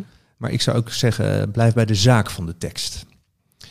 Dan hoeven we ook die hele Schelling eh, eh, eh, niet te gaan achterhalen en zo. Want dat heb je misschien ook wel gemerkt als je dit gaat opzoeken in het grote oeuvre van Schelling. Hij heeft het helemaal nooit zo gezegd. Helemaal nergens. Hele Schelling. Ja, ja. Dus dat is ook iets merkwaardigs natuurlijk. Dat is ook zeker wel waardig, ja. ja. Oh, je wou dat je zoveel verschillende schrijfwijzen hebt. Maar je het is dus niet eens Nee, dat is, hij, heeft het, hij heeft het zo nooit helemaal opgeschreven. Dus Nee. Nou, de luisteraars die nu nog luisteren, die zullen mis- misschien nu ook denken, wat? Maar wat was dan de bedoeling? Nou, ja, ja, ja, ja. Hij heeft het niet eens zelf zo geschreven. Zeker. Ja, blijf bij de tekst. Want wat is Schelling nou? Er is een foto van hem. Ja. Maar voor deze is natuurlijk gewoon een soort vermomd geraamte ergens. Ehm, nee, Schelling is die tekst voor onze neus. En hij heeft het niet eens zo opgeschreven. Ja, maakt dat uit. Ja, en, en ik, ik zou zeggen, ja, misschien is dat een soort... Op een bepaalde, voor, er zijn natuurlijk mensen waarbij dat wel degelijk uitmaakt. Hè? Nou, dat is Ja, van, weer vanuit de eh, gedachte. Nee, eh, achter een tekst zit een schrijver. En hij heeft het niet zo eh bedoeld. hè? Dus, Ja. eh, ja, ja, ja, ja, ja, ja. Zo heeft hij het nooit bedoeld. Zo heeft hij het Ja. nooit bedoeld. Ja, zo heeft hij het nooit opgeschreven. Ja, dat klopt. Maar ja, God, blijkbaar eh, is, is tekst genoeg, Ja. denk ik. Een, belang, een beroemd voorbeeld is natuurlijk, ja, wie is de auteur van Gnotische jou toen dat op eh, de tempel van Delphi stond? Ja, Apollo? Het ken u zelf, ja. Ja, ja, ja. ja. Wie zegt Ja. dat? Ja, wie zegt dat? En daar hebben mensen zich toch door laten aanspreken Ja. eh, in alle tijden. Eh, dus volgens mij is die exercitie ook niet zo, is, is, is niet nodig. Schelling is ook gewoon zo'n kevertje in een doosje. ja, ja, misschien. Misschien. Ja, misschien wel, ja. ja. dus wat dan? Hè? Blijf Ja, bij de dan? tekst zou dan zijn, blijf bij de zaak van de tekst. Waar draait het om in dit citaat? Nou, we hadden al vastgesteld, het onderwerp van deze zin is die natuur. Ja. Is dat dan de zaak van deze tekst? Hè? Het onderwerp van gesprek zou dat kunnen wezen. Ja, en die natuur is eh, natuurlijk eh, wel merkwaardig hier, denk ik, als je dat zo leest. Dus als we weer even grammaticaal bekijken, wat voor zin is dit nou? Dit is natuurlijk gewoon in de derde persoon enkelvoud is dit eh, opgeschreven. Dus wordt hier iets feitelijks over de natuur gezegd, bijvoorbeeld? Moeten we het zo lezen? Dan wordt hier een opmerking gemaakt over de natuur. Ja, nee, dat, dat lijkt in ieder geval meteen niet uit deze zin te volgen dat dat zo is. Is dit niet gewoon een feitelijke opmerking? Het is toch gewoon een bewering over de natuur? Hier wordt toch letterlijk gesproken? De natuur, hup, hup, hup. En dan volgt er een heel... Letterlijk is al gek, omdat we, we merkten al dat ogen op. Dat het gek is om te zeggen dat de natuur de ogen opslaat. Dus da daar, daar, daar heb je al iets te pakken wat je, ja, ja, wat je niet zo kan wegzetten als een feitelijke opmerking. Dus dan zou het niet feitelijk, maar, of niet letterlijk, maar figuurlijk zijn, metaforisch. Dat is wel de neiging, denk ik, die je hier meteen sterk voelt bij die tekst. Hè? Dat, dat, dat je zegt, ja, in metaforische zin slaat de natuur Ja. de ogen op. Uh, ja, ja. Nou, laten we, laten we daar eens bij Ja. stilstaan. Dus dan hè, haar ogen, nee, de natuur, dat zal wel metaforisch zijn dan. ja. Nou, in een metafoor van metaferijn wordt iets overgedragen naar iets anders. Dus dan is de vraag nu, wat wordt nu naar wat overgedragen? Is hier nou de mens naar de natuur of de natuur naar de mens? Zou dat dan zijn, denk ik, hè? Ja. Ja, het is een beetje, ik zit vol te denken aan, eh, Darwin zegt een keer, variatie wordt aangedragen door de hand of nature. Dat is ook zo'n, eh, Ja. eh, natuur heeft geen handen Nee. om iets aan te reiken. Dus daar, daar denk je ook al snel van, dat is toch metaforisch, want god, die natuur die Ja. heeft toch helemaal geen handen, ogen, dat ontbeert het allemaal. Hè, dus dit gebeurt voortdurend. ja, maar zou dit ook een, een metafoor zijn? En dan is de vraag, zoals ik al zei, een metafoor is eh, is een overdracht. overdracht van het een naar het ander. Wordt hier nou de natuur naar de mens overgebracht of de mens naar de natuur? Ja, ik zou in ieder geval meteen zeggen geen van beide, omdat het dus inderdaad er, ergens is, niet, is hier niet duidelijk waar die ogen aan worden toegeschreven. Ik bedoel, grammaticaal gezien worden toegeschreven aan de natuur, Mhm. maar tegelijkertijd eh, eh, gebeurt er iets in, in de mens. Mhm. Dus daar heb je toch op een bepaald het idee dat ook, ja, je zei al eerder inderdaad, van, we nemen automatisch jezelf als onderwerp van de tekst, maar ergens is hier ook al een neiging om die mens ook toch als een soort onderwerp te nemen, omdat er die wel in staat is om zijn ogen op te slaan. Mhm. Ja, dus dit vindt plaats in de mens. Dus Ja. een plaats waarin dat gebeurt. Plaats, plaats waarin dat gebeurt. Ja, Ja, ja. dat is de mens. Ja, dus, ik, ik- dus ik neig meteen inderdaad weg van ofwel het onderscheid tussen letterlijk of figuurlijk, omdat je daar inderdaad precies in. De, nou ja, Nou ja, laten we het Ja, voor de grap eens ja. uitdenken. Want eh, wat, wat, wat, wat, ja, wat bedoel jij dan? Als je de natuur naar de mens of de mens met meer woorden komen. Ja, ja, ja, precies. Nou, dus, hè, dus eh, bijvoorbeeld in de fabels van Fontaine, daar wordt de mens naar, natuur, naar de natuur gebracht, overgebracht. Hè? Dus je hebt daar dieren die zich gedragen als mensen. Ja. Dat is die kant op. Maar bijvoorbeeld bij de oude Grieken worden de goden, hè, de natuur, wordt daar vermenselijkt. Eh, dus eh, Poseidon, god van de zee, ja, die krijgt menselijke trekken. Personificatie Eh, van de Precies, zee. die, eh, die loopt met een drietand rond en daar zwaait hij mee en dergelijke. Dus ja, wat, wat speelt hier? Is hier ook zo'n zo'n zo'n overdracht gaande? En Ja, zou je precies. zeggen, nou ja, hier wordt de natuur vermenselijkt. Hij krijgt menselijke trekken. Ja, of moet inderdaad een mens voor natuurlijk. Dat is dan, ja, ja, ja. Ja, maar ja, hè, de, dus hier krijgt de natuur... Een menselijke Normale trek, ja. zijn we geneigd, ja, de mens slaat toch zijn oog op. Maar hier wordt het de natuur die dat doet. Ja. Maar dan krijg je wel iets raars natuurlijk. Omdat, oké, in de mens slaat de natuur als mens haar ogen op. Dan krijg je een soort dubbel op. Krijg je dan. In de mens slaat de mens Ja. zijn ogen op. Ja. Dat is natuurlijk bizar. Want Ja. wat is daar nog de informatieve waarde van? Ja, ja, ja, ja, Eh, want een, een metafoor zal, moet wel iets versterken, toch? Dat is toch wel de, de gedachte van een metafoor. Dat je een associatie of een beeld geeft waardoor iets wat onduidelijk is, krachtiger of duidelijker wordt. ja, ja, ja, ja, ja. Eh, en dat gebeurt dan helemaal niet. Maar oké, is het dan toch letterlijk? Wordt hier echt in de derde persoon enkelvoud over die natuur iets eh, gezegd? Dat is ook vreemd om te zeggen. Waarom? Dat krijg je dat. Ja. Ehm, omdat het vreemd is van de natuur te zeggen dat het iets bemerkt, nog dat het. Ik bedoel, we hebben al gezegd het ogen opslaan, maar ook het bemerken of iets opmerken is natuurlijk vreemd om dat van de natuur te zeggen. Ja. Dat de natuur iets opmerkt. Je kan het misschien wel zeggen van een bepaald dier, een bepaalde plant, Ja. een mens in die natuur merkt iets op. Maar de natuur zelf. Nu zeg je iets interessants. De mens in die natuur. Ja, Maar wat staat hier nou? de natuur eh, in, in de mens. Ja, waar is die natuur nou? Ja, ja, daar, er. Nee, nee. Ja, ja. Ja, daar moeten we ook nog eens ja stilstaan. daar moet ook nog eens Waar is de natuur in deze zin? Ja, in de mens. Ja, In de mens, maar je zegt net zelf, ja, maar de mens is in de natuur. ja. Waar is die mens? Nou, Die is in de mens, maar de mens is in de natuur. Maar de natuur was ook weer in de mens. En zo, snap je? De natuur, als je dit sympathiek leest, is in de mens die in de natuur is. Dus de mens is in de natuur, maar de natuur is ook in de mens. En de natuur zit overal hier. Hier en daar. Binnen en buiten. Nou, als hè, filosofisch lezen de richtlijn volgt, blijf bij de tekst, blijf bij de zaak van de tekst. En het onderwerp van deze tekst is de natuur. Dan krijgen we meteen te maken met een heel merkwaardig onderwerp. Namelijk een onderwerp dat geen onderwerp kan worden. Want een onderwerp is iets wat je voor je neus kunt houden. Ja. En waar je over kunt praten. Maar dit is niet een onderwerp waar je over kunt praten. Want dit onderwerp zit in jou als mens. En je begeeft je er al in. En je begeeft je ook in dat onderwerp. Dus het omgeeft je ook.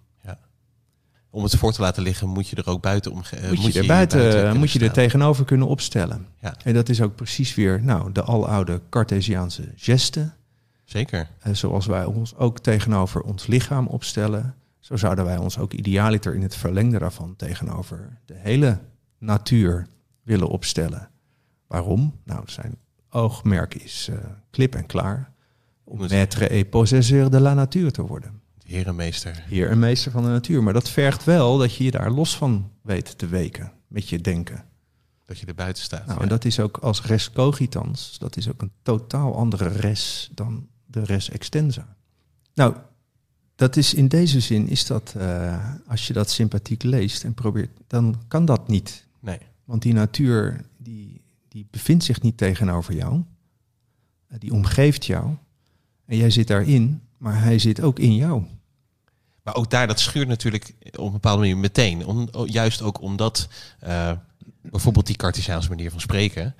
is, is, een, is een, eh, een, een, een- een zeer invloedrijk eh, om jezelf Zeker. buiten die natuur te plaatsen. Zeker. Ja, Ja, ja. zeker. En dat is natuurlijk ook doorgaans. Ja, ik, vond, ik, zat, zat, ik heb een keer meegewerkt aan een boekje. Dat heet Een Natuur als Misverstand. En daar schreef Jelle Reumer, haalde daar de Groningse historicus Wessel Krul aan. Die gaf een aantal definities van natuur. En ik vond dat op zich wel, eh, ik vond het aardig om te merken. Wat, eh, dan, dan schrijft hij, dit zijn twee van de definities van, de, van natuur. Hij zegt eerst van, het is ontzettend lastig om de de definitie van natuur te, daartoe te komen. Maar goed, hij geeft er uiteindelijk vier. En dan twee daarvan zijn de menselijke aanleg en geaardheid. Dat is natuur. En alles wat niet menselijk is of door mensen gemaakt, is natuur. Dat is al heel gek. Ja, Eh, dat natuur kan slaan op de mens inderdaad. En tegelijkertijd precies slaat op het tegendeel eh, van de mens en de menselijke invloed.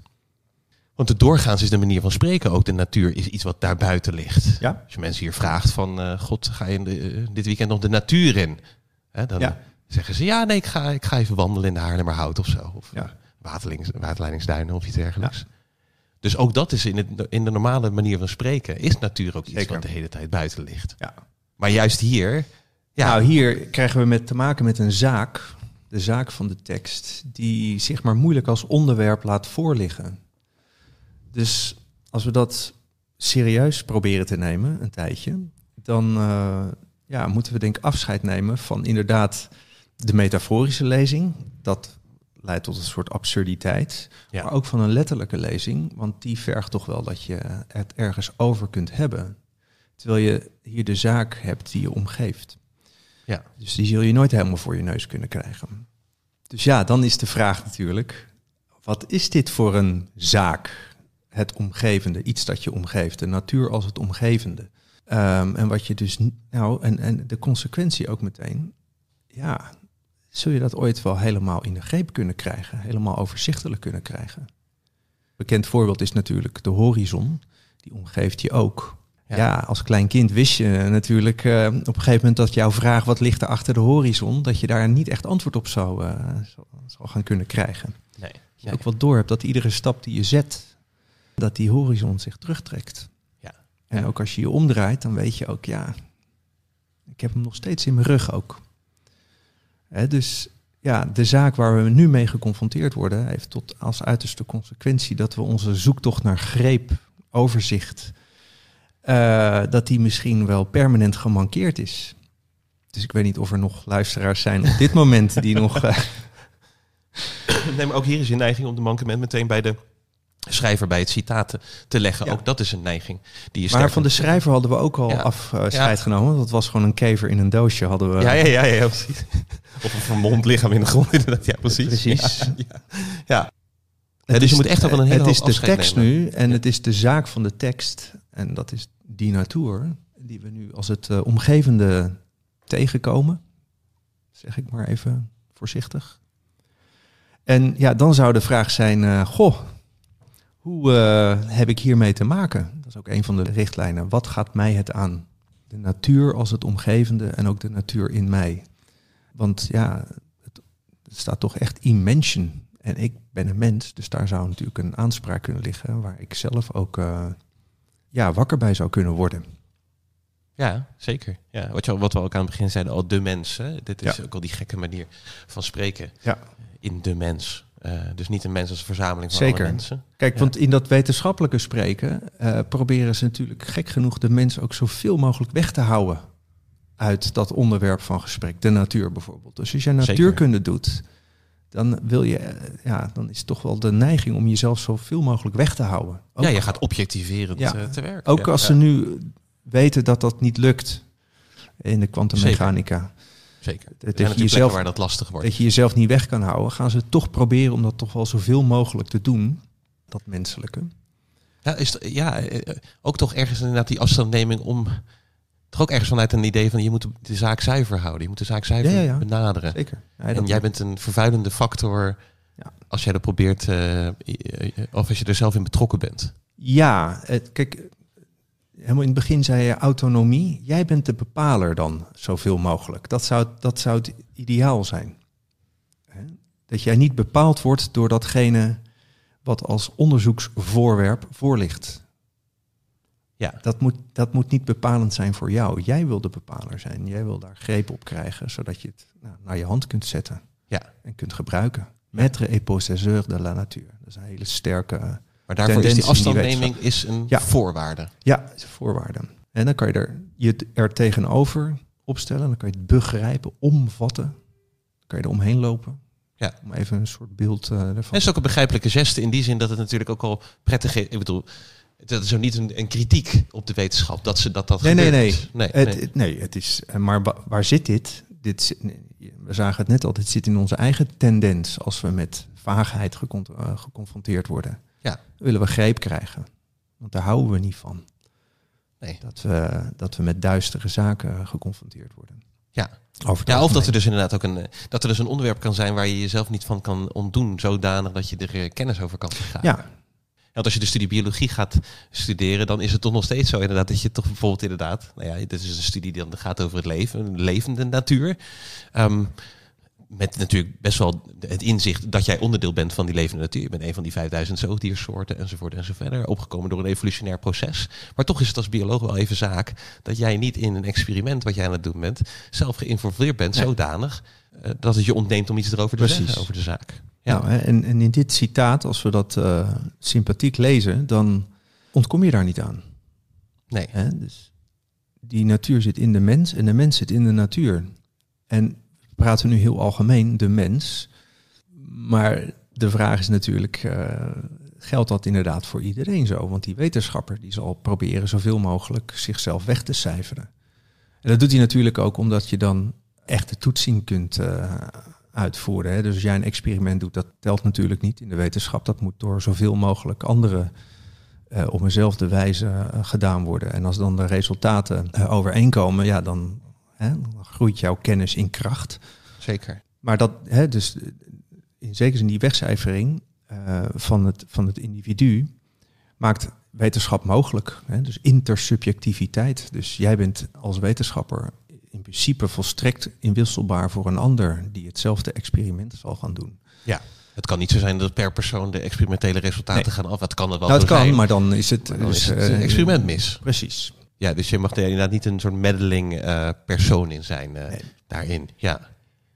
ja, en dan kom je eigenlijk ook al op een aardig stuk dat die wetenschap inderdaad ook een, een, ehm, een, een vorm heeft van toetsing. Maar misschien is dat nog te vroeg, om, of niet te vroeg, maar gewoon nog niet goed om dat in de volgorde en dat nu aan te gaan. Nee, maar je kunt, je ziet wel, misschien al wel, kun je al bevroeden dat als er toch zoiets als toetsing is ook in dat filosofische lezen, dan zal dat een andere toetsing zijn dan de wetenschappelijke. Ja. En dan is er misschien ja, dus wel. omdat, ook, dus inderdaad, omdat je je moet losmaken van de zaak, wil je eh, eh, eh, toetsing überhaupt kunnen toelaten als wetenschapper. En hier dus iets is wat je, waar je niet kan. Als je niet los kunt raken van de zaak, dan wordt toetsing iets heel raars. Kijk, die wetenschap zal meteen zeggen, ja, dat wordt dan iets subjectiefs. Ja. Dus dat is geen bal waard. Ja, ja. En ja, inderdaad heeft die filosofische toetsing niet iets ehm, intersubjectiefs, iets universeels. Waarbij het niet uitmaakt wie dit leest. Misschien moeten we daar moeten we dan toch daar even op toespitsen nu. Om te bedenken van ook waar heb ik nou concreet te maken met het omgevende, de natuur als het omgevende. En er ligt een enorme aanwijzing in dat citaat ook. Besloten. Grote merkwaardigheid als we hem opmerken.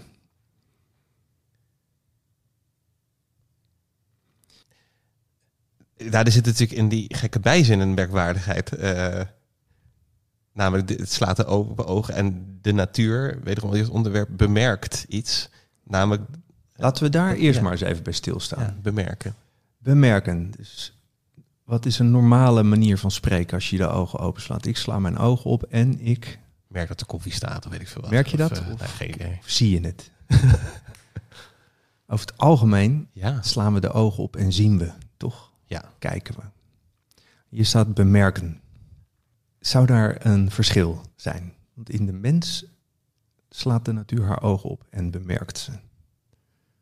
Terwijl we misschien doorgaans zouden zeggen, nou, Ja. we- wat, wat is dat bemerken hier? Dat kan inderdaad betekenen dat je iets waarneemt. Ja, ja. Dat is een betekenis ervan. Maar het is wel natuurlijk inderdaad zo dat ehm, je, kan, je, je kan door het bos lopen. Je, iedereen met je gezin of wat ook. Of zo, je gaat wandelen door het bos. Je, ziet een hoop. ehm, maar je bemerkt niet die gekke, eh, weet ik veel, ik noem maar wat, eh, vleugelzwam of zo. Of, of een vliegenzwam eh, die, daar, eh, die daar staat. Nee. Een van het gezin bemerkt die. Ja. Dat is Maar dan nog, Ja, eh, daar lopen ook allemaal beesten rond in dat bos. zeker. Ja. En die zie je ook gewoon, nou, die slaan ook de ogen op. En die zien ook zo'n, zo'n eh, wat zei je? Een of andere zwam, vliegenzwam. Ja, ja, ja. Ja. Ja. Zo'n rood met witte stippen. is Oh, die, ja. De- ja, Eh, die slaan toch ook, eh, de natuur slaat toch ook de ogen op in zo'n beest. En die, je ziet ook gewoon, nou, dat beest neemt ook waar hoor. Die merkt ook dingen op. Die bemerkt ook dingen. Ja, of bemerkt hij dan dingen? Hij merkt dingen op. Ja, neemt dingen waar. Ja, Dus bemerken als waarnemen. Is dat hier ook het geval? Nee, want het is niet iets wat je voor je... eh, we hebben net al gezegd inderdaad, hier is natuur niet iets wat je voor je snuffert hebt. Of wat een onderwerp is. Maar juist iets wat eh, omgevend lijkt eh, voor de mens. En, dus ja, kan je dat dan opmerken? Ja, je zei net, die bijzin is eigenlijk zo merkwaardig. Na de komma. ja, Wat staat daar namelijk? dat ze er is. Dat ze er is. Dat ze bestaat. Hè? Da zijn is ook bestaan. Dat ze bestaat. Ja. Dat ze er is. Is dat niet toch ook wel ergens merkwaardig om te zeggen? Uitzonderlijk merkwaardig natuurlijk. Want Ik, Ja. ik zie jou nu zitten, dat Ja. neem ik waar. Maar zie ik nou ook dat jij bestaat? Kan ik dat zien, jouw bestaan? ik zou zeggen, dat is wel verondersteld. Het Dat is al verondersteld. Dus dat is merkwaardig. Ik kijk nu en terwijl ik kijk, zeg jij, is er al iets verondersteld? Ja, een bestaan van, ja, en niet in dan het bestaan van de ander. Misschien moeten we daar eens even bij stilstaan. Dus wat is dat? Dus, niet, dus dat bemerken als niet zozeer iets waarnemen, een vliegenzwam of zo, maar dat je het bestaan van de vliegenzwam ja, zou opmerken. En dat is dan niet echt iets wat je ziet, blijkbaar. Nee, maar wat al in de, ja. Want Ja, dan zou er ja. een verschil zijn Ja. tussen zien en bemerken. En dan kunnen we misschien ook begrijpen, om maar eens even een woord te laten vallen, Ja, ja. waarom hier sprake is van Immension. Schlägt die Natur ihre Augen auf und bemerkt, dass sie da ist. ja, er is hier blijkbaar een voorwaarde ge- gegeven voor het, eh, het bestaan van die natuur. Nou ja, vindt dus plaats in mensen. En hij zegt niet in levende wezens slaat de natuur Nee, haar ogen op. nee. En merkt ze Nee. dat ze er is. Dat gebeurt in de mens. Al dus dit citaat. Ja, Dus dan zou er misschien toch een verschil zijn tussen zien en bemerken. Want ik zie er allerlei beesten zie ik eh, waarnemen. ja. Maar wat is dan het verschil tussen zien en bemerken? Jij zei net, als ik jou parafraseer, terwijl je kijkt, veronderstel je al iets. Ja, bijvoorbeeld het bestaan van de ander. Of in, de, in, in deze, ten aanzien van deze zin inderdaad, zou je zeggen, eh, is het bestaan niet al v- verondersteld? Dat- Of tenminste, daar zit het gekke natuurlijk in. Je denkt in eerste instantie, ja, de natuur, dat is er toch, dat is toch iets wat er al lang is. Ehm, hoe kan je nou ja, dan vervolgens het bestaan daarvan bemerken? Wat is nou dat verschil tussen zien en bemerken? Kan je dat, eh, een beetje flauw dit, kan je dat ergens zien? Of moet je dat juist opmerken, dat verschil? Of is dit überhaupt een verkeerde, een scheve vraagstelling? Nee, niet zozeer. Ik zit gewoon vooral een beetje te denken aan een, aan een voorbeeld. Ik weet dat jij op je, op, je hebt volgens mij wel eens een keer in, dat, in de leesgroep ook gezegd van... eh, met een ki- klein kind kan je geen verstoppertje spelen. Die kan... eh eh, we zijn natuurlijk klein kind. Natuurlijk op een gegeven moment kan je Mhm. verstoppertje spelen met kinderen. Maar er is een bepaald moment waarop je dat nog niet kan. Omdat... eh, en dan gaf je het voorbeeld inderdaad van... Ja, dat, kinderen denken dan nog dat als ze, als ze jou niet zien... dat, dat jij ook niet... eh, ehm, Dat je hen dat je, ook niet dat je hen ook niet Ja. ziet. Ja. Ja. dus dan verstoppen ze zich door alleen een Ja. hoofd. is een goed voorbeeld. Een goed voorbeeld dat, we, dat ik nog even zou willen parkeren Ja? voordat we bij dat opslaan eh, terechtkomen. Oké, ja. ja. Ehm, want misschien is het handig om nu eerst over dat bemerken. Dat hebben we namelijk al gedaan zojuist. Dus er is een aanwijzing voor dat bemerken. Er zit het woord merken in. Ja. En we zijn in het begin van dit gesprek op een aantal merkwaardigheden gestuurd. Dacht, misschien is het grappig om daar even naar terug te kijken. Want wat gebeurde er nou eigenlijk toen we op zo'n merkwaardigheid stuiten? Ja, als, eh, op een bepaalde manier dat het, dat het, eh, dat het stokt. Hè? Dus de eerste merkwaardigheid al was dat het... hè, die, die vertaling lukt op een bepaalde manier niet lekker. Het laat zich niet lekker... We hadden bijvoorbeeld al haar ogen. Ja, En toen ze- zei hij, dat is merkwaardig. ja, Dat wijkt af van het normale. Van de normale gang van spreken, een normale gang van zaken. ja. Dus wat gebeurt daar nou? Je leest haar ogen. Dat is grammaticaal gezien helemaal niks mis mee. Nee. De ogen van de natuur. Ja. Eh, maar toch is het afwijkend. Dus je leest niet alleen maar iets. Je ziet tegelijkertijd ook dat het afwijkt van een normale gang van zaken. Dus wat gebeurt hier nou met dat opmerken? Je merkte dat op. Een merkwaardigheid wordt opge- opgemerkt. Dus wat gebeurt hier nou? Doordat je met het afwijkende geconfronteerd wordt, word je tegelijkertijd ook gewezen op een normale manier van spreken. ja. Ja. Dus wat gebeurt er met zo'n eh, met dat opmerken? Je bent opeens bij vreemd en normaal, afwijkend en normaal terechtgekomen. En het is een merkwaardig soort gebeuren wat daar, wat daar plaatsgrijpt. Want als je hier aan voorbij gelezen had, of er stond gewoon zijn ogen, dan was je gewoon doorgegaan. Ja. Zonder dat je er erg in had. Maar nu, door die afwijking, word je ook gewezen op een normale gang van zaken Ja. die je eerst helemaal niet in de blik kwam. Omdat die zo normaal was. Omdat die zo vanzelf ging. Ja, ja, ja. Dus als je het even een beetje formeel bekijkt, wat gebeurt er nou als je iets opmerkt? Je bent opeens bij vreemd en normaal. Vreemd en eigen. Ja. Vreemd en vertrouwd. Dat zou je een geleding kunnen noemen, die daar optreedt. En het is niet zo dat je eerst in het normale zat. Eerst was alles normaal, alles vanzelfsprekend. Waarom niet?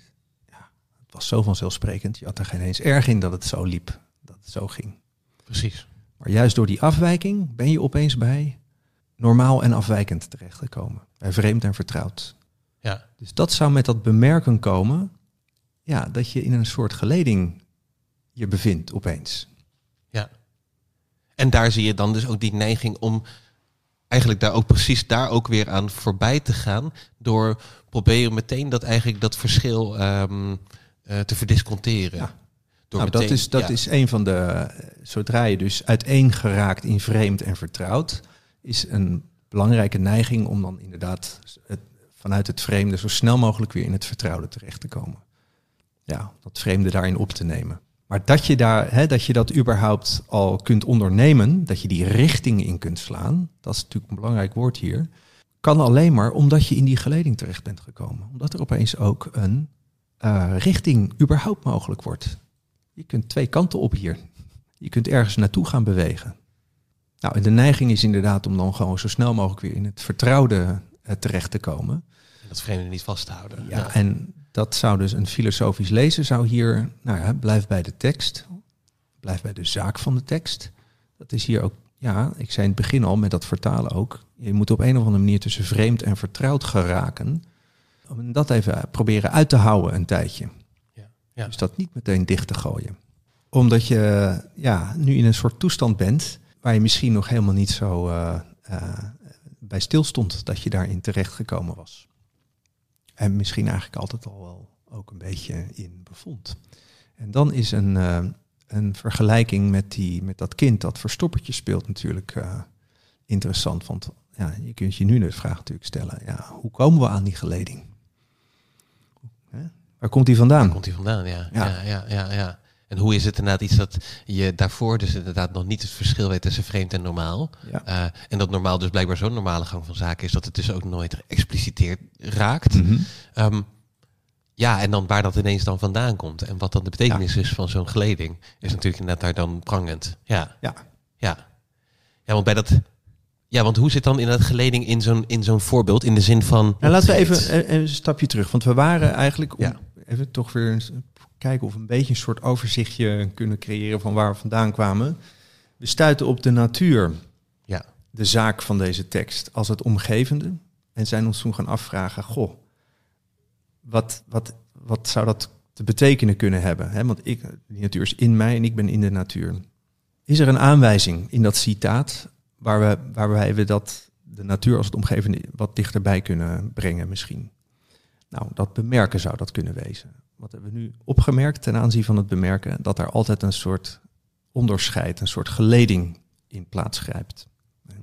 En daar zou een aanwijzing kunnen liggen ook naar dat omgevende. Je zei net al, in die bijzin staat iets raars. In zekere zin. Bemerken dat je er bent. Ja. Wat is dat? En we hebben net gezegd, ja, um, zonder het normale, het afwijkende niet. En zonder het afwijkende ook niet het normale. Dus we gaan niet van normaal naar afwijkend als we met merkwaardigheden geconfronteerd worden. Dus er ontstaat een, een geleding, een, een, ja, een soort articulatie tussen vreemd en, uh, en vertrouwd. Ja. Dat is wat er gebeurt. Nou, en zoiets zou ook spelen ten aanzien van dat omgevende. Dus ja, we zijn allemaal jong geweest. Uh, maar wat kan je nou zien of opmerken. Hè, welke woorden moet je nou toch gebruiken hier? Uh, aan zo'n kind dat verstoppertje speelt. Je zei al, als die zijn hand voor zijn ogen doet, dan denkt hij, ik zie jou niet en jij ziet mij niet. Dus hij verliest voortdurend met verstoppertje spelen. Hoe ga je zo'n kind daarna op wijzen van, nee ja, het zit toch echt anders. Ja, ja. Het is weer dat kind waar, wat je ook, je hebt net die boom geleerd en nu gaan we hem leren verstoppertje spelen. ja, precies. Hoe leg je hem dat uit? Hoe leg je hem dat uit? Ja. Um, en dat is natuurlijk, het is merkwaardig, maar de, de grotere merkwaardigheid is natuurlijk, je bent zelf zo'n kind geweest. Ja. Je, bent zelf, uh, je hebt zelf zo rondgelopen. Spelen, ja. ja. ja. Dus we kunnen wel weer over zo'n kind gaan praten. Maar, maar ja, je bent hier zelf een keer uh, uh, in, in betrokken geweest. Dus ja, ik heb, uh, je kunt in je eigen leven terug gaan kijken naar momenten waarin ja, er zo'n geleding uh, plaats heeft gegrepen. En ja, ik heb er zelf, het is, een, het is een heel persoonlijk voorbeeld. Daarom is ook, hè, dus over toetsing in de filosofie. Je komt bij dit soort concrete ervaringen, kom je uit. Die ja, toch wel ook wel na te voltrekken zouden moeten wezen voor, voor anderen. Dus ik weet van mezelf dat ik ooit in, in de vroege jaren tachtig met mijn familie op vakantie was in Zuid-Frankrijk. En we gingen na het eten nog even het strand op. En er was geen tijd of weet ik veel wat, dus we hadden maar korte tijd. Dus wij gingen allemaal naakt, dat kon toen nog. Alle kindertjes naakt het strand op. En daar waren eh, lui aan het vissen met van die grote hengels, weet je, die zetten ze dan in het zand. En die stonden daar dan bij te wachten tot, er, tot ze beet hadden. En ik weet nog, ja, het is een voorbeeld van niks, maar hè, het is ook, eh, het, uh, dat, wat, dat is wat het is. Ik weet nog dat een van die vissers naar mij keek. En ik wist dat hij naar me, ik zag dat hij naar me keek. En toen liepen we terug en toen zei ik tegen mijn vader, ik wil voortaan een zwembroek aan. Zei hij, hij snapte dat ook meteen. Ja. Uh, nou, dat is goed. Ja, gaan we doen. Ja. Uh, en dat was het. Maar terugdenkend daaraan, want het is me dus bijgebleven, denk ik, ja, daar is wat gebeurd. Ja. Want mijn zusje liep ook naakt rond daar op dat strand. Nou, die had er echt geen erg in hoor, Nee. dat ze bekeken werd. En het was helemaal niet uh, een vieze oude vent of zo. Nee, maar, je merkt iets. Ik merkte iets. Ja, je merkt iets. Uh, een soort schaamte. Ja. Er kwam schaamte op. En Ja. voel je je bekeken. Ja, dat is wat schaamte is Dat is wat schaamte is. En daar heb je dus de ander voor nodig die naar jou kijkt. Ja. Dus ik was eh, in zekere zin eh, op dat moment eh, was de wereld anders geworden. Er waren anderen in de wereld die mij konden zien, Ja. ook als ik me omdraaide. Hè? Dus Ja. ik, ik leerde eigenlijk verstoppertje spelen daar. Ja. Eh, echt verstoppertje spelen. Op zijn Eh, Adam en Eva. ja, En tegelijkertijd was ik, ik ook, eh, was ik er ook. En dat kon ik ook meer, dat ik er ook was. Ik was, ik werd bekeken. Dus op dat moment ontstond ik en de ander tegelijkertijd. En ik zag ook wel in, misschien niet toen, maar nu wel, want ik zie er nog zo lopen, dat het bij mijn zusje niet zo was. Want die liep daar naakt rond, zonder dat ze er erg in had. Ja. Zoals een, eh, ja, een hond ook gewoon naakt op, over straat loopt. Ja, die, loopt die nou naakt over straat, een hond? Die weet niet van het verschil tussen naakt en gekleed Nee. zijn.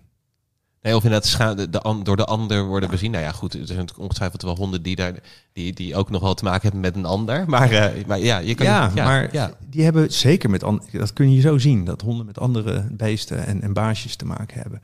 Maar zien zij de ander ook als de Oh. ander? Ja, ja. Dat is het punt. en bemerken ze die schaamte inderdaad. Het worden bezien Juist. door die ander. Ja, of het, die, die ander kan naar jou kijken zonder dat jij daar erg in hebt. Ja, Ja, ja, ja. Maar je kan dus ook geen erg in hebben in de zin van überhaupt niet het verschil opmerken. kijk, en dat is eh, wat, hè, wat we net bij die merkwaardigheden ook hadden. Als jij niet langs deze tekst loopt, met de natuur als het omgevende, en je zult dat nooit tegenkomen ergens, ja, dan zul je er misschien ook nooit mee geconfronteerd worden. En dan heb je er helemaal geen erg in ja, dat er eventueel ook eh, ja, eh, dat je in een soort geleding terechtkomt. Want dat is natuurlijk het merkwaardige, want ik had natuurlijk al vrij snel wel door op dat strand ook. Deze wereld was er al. Ja, dat is het gekke. Dat, dat het inzicht Die anderen waren van- er al. Ja, Hoor. ja. Ook en die keken al. ook, ook toen Of ik, niet, toen ik het nog niet zag. Maar Ja. dat zag ik ook meteen naar mijn zusje. Hij kijkt ook naar haar, maar zij heeft er geen erg in. Dus ja, in wat voor wereld loopt zij? Ja, in wat voor wereld liep ik rond? Ja, ja, ja, ja, ja. Altijd al of nog niet? Nou ja, dat, is, dat zijn merkwaardige gebeurtenissen. En ik denk dat i- iedereen heeft wel dit soort uh, onoog... Het zijn eigenlijk onooglijke ervaringen.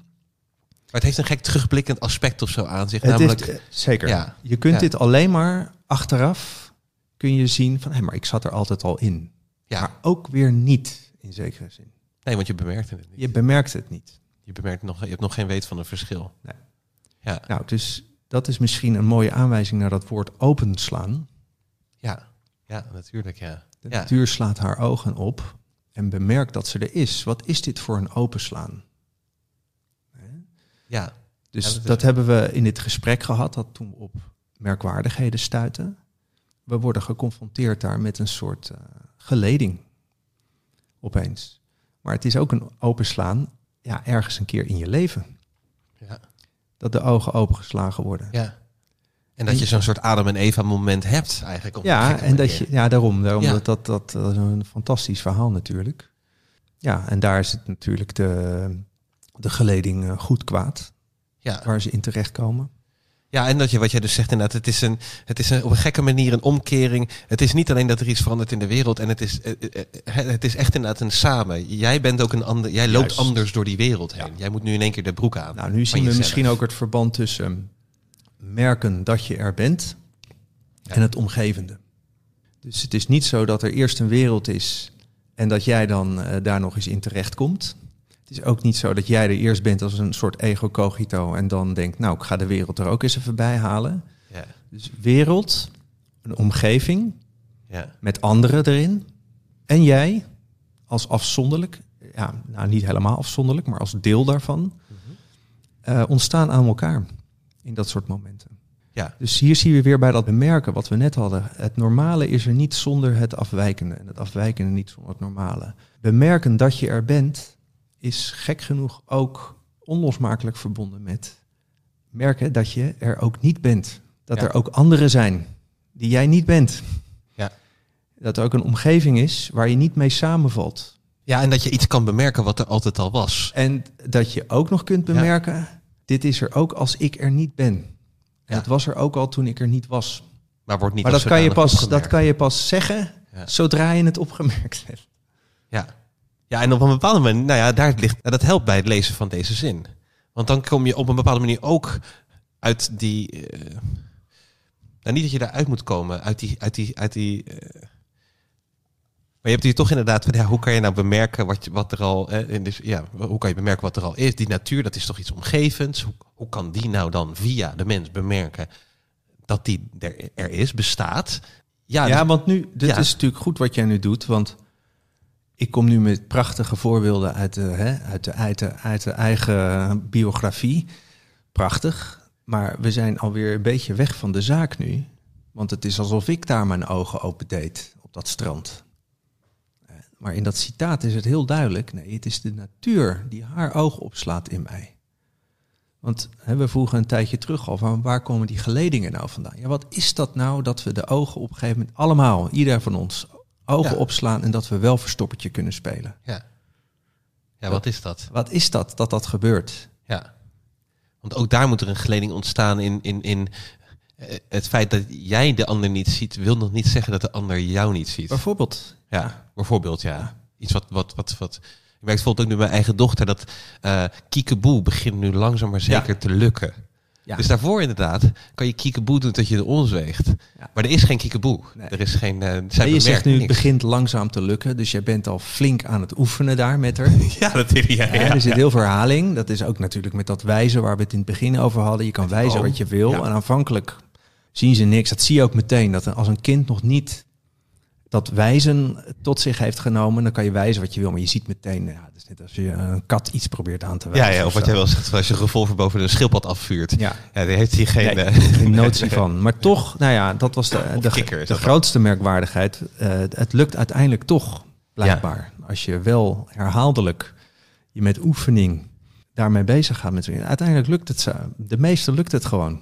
Ja, alleen het wat lukt, hè, dat is een soort, dat is het, het gekke Ja. daar. Ja, Nee, dus eh, het wordt er niet minder wonderbaarlijk op hoor. Eh, maar dat zou ook weer een aanwijzing kunnen zijn naar dat, en waarom het, het practicumachtige van dat filosofisch lezen, is dat je, ja, je herhaaldelijk met zo'n tekst, hè, dus dit, ook een van de richtlijnen is ook herlees, herlees, herlees.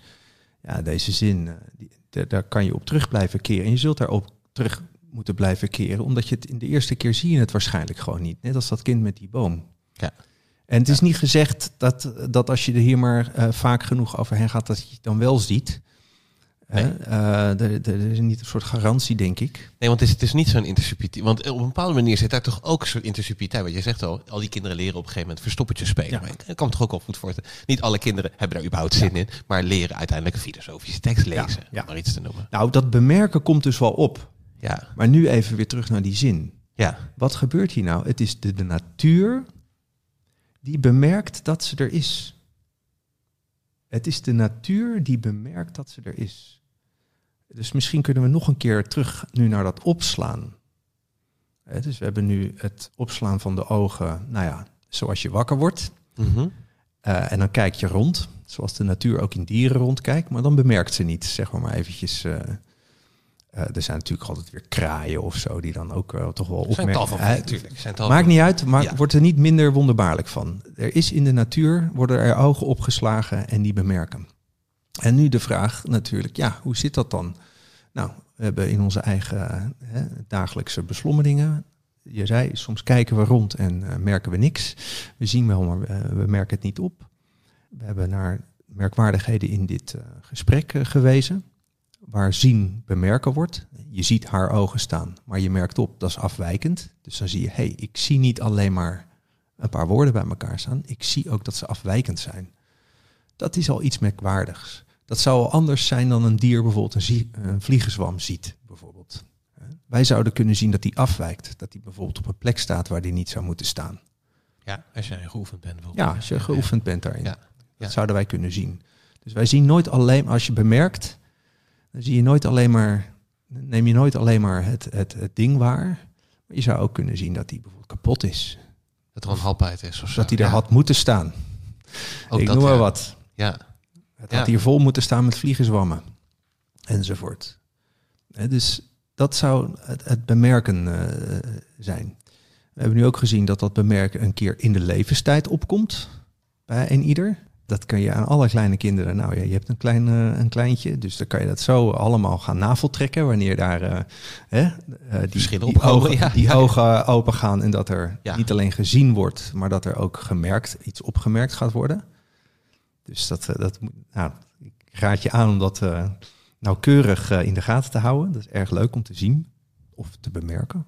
Moeten we hier nou toch zeggen? Hè? ja, ja, ja. Ehm, maar we kunnen opslaan ook nog in een, eh, in een derde manier lezen. Want er staat toch immension in de mens. In de mens als Het soort. is net inderdaad van, oké, goed, eh, een kind is er een tijd en dan op een gegeven moment slaat hij de ogen op voor een verschil. Waar- Waarvan je zegt, dat verschil, dat is er op een bepaalde manier altijd al, maar jij was er niet bij. En het verschil gaat jou aan, want het betreft jouw Precies. verhouding Dus, hè, dus eh, de- eh, als we het hier toespitsen op het bemerken dat je, dat, je, dat je er bent, dat je bestaat, ja, dan zie je nooit alleen maar dat je er bent. Dat kun je eigenlijk alleen maar zien als je ook weet van er zijn anderen ja, die ik niet ben. ja.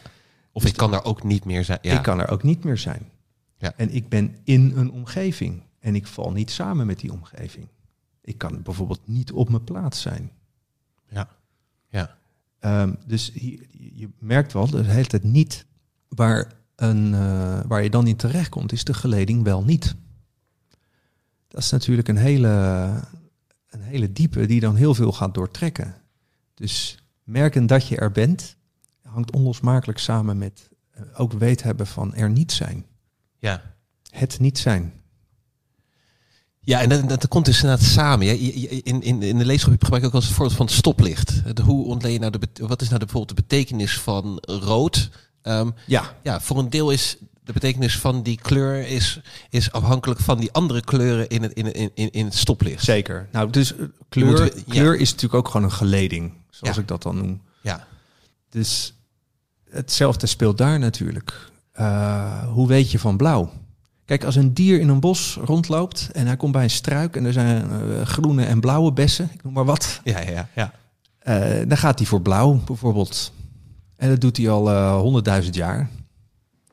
Ja, kiest zo'n beest dan? Wij zijn wel erg geneigd te zeggen, kijk, hij eh, gaat voor de blauwe.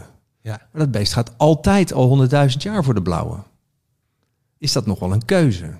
Kijk, een mens, eh, je hebt die, eh, dat Into the Wild verhaal, toch? Dat, daar heb, je, heb jij er niet ooit ook ja, ja, college over gegeven? Ja, tot zich neemt. en een mens staat voor zo'n struik en die gaat ook kiezen. En hij koos verkeerd dan, geloof Ja. ik uiteindelijk. Eh, met aardappelplantjes of zo, nou ik weet niet meer. Ja, ja, ja, hij heeft op een gegeven moment een giftige plant aan het Een giftige plant. Ja, Ja, ja, dan had hij, hij had niet de bladeren moeten eten, maar de wortels of omgekeerd. Dus iets. ja, zoiets, ja. ja, ja. Je, je merkt, ik zou daar ook... eh, ja, ja, meteen sneuvelen. behoorlijk grote kans hebben om te sneuvelen daar. Maar de mens kiest echt. Waarom? Ja, die kiest voor blauw. Waarom kiest hij voor, waarom kiest hij voor blauw? Omdat hij weet dat hij niet voor rood kiest. Dus als een mens voor blauw kiest, dat is wat de mens kan, dan weet hij tegelijkertijd, ik kies niet rood. Want je kunt na afloop ook vragen, waarom heb je nou voor blauw gekozen? En dan kan hij een zinvol antwoord geven. Ja. Zo'n dier kan dat niet. Niet zozeer omdat hij niet kan spreken, Die eet gewoon rijpe bessen. maar die heeft Ja. die heeft gewoon geen onderscheid eh, tussen rood en blauw op, eh, in zekere zin. Die kan niet blauw als zodanig bemerken. Dus hij wordt wel getriggerd door de blauwe bes en niet door de rode bes. Dus dat zien wij wel, wij, wij zien dat. Ja. Maar hij heeft niet blauw als zodanig op het oog. En wij kunnen dat wel. Wij kunnen over blauw als zodanig praten. Omdat we weten dat het niet rood is.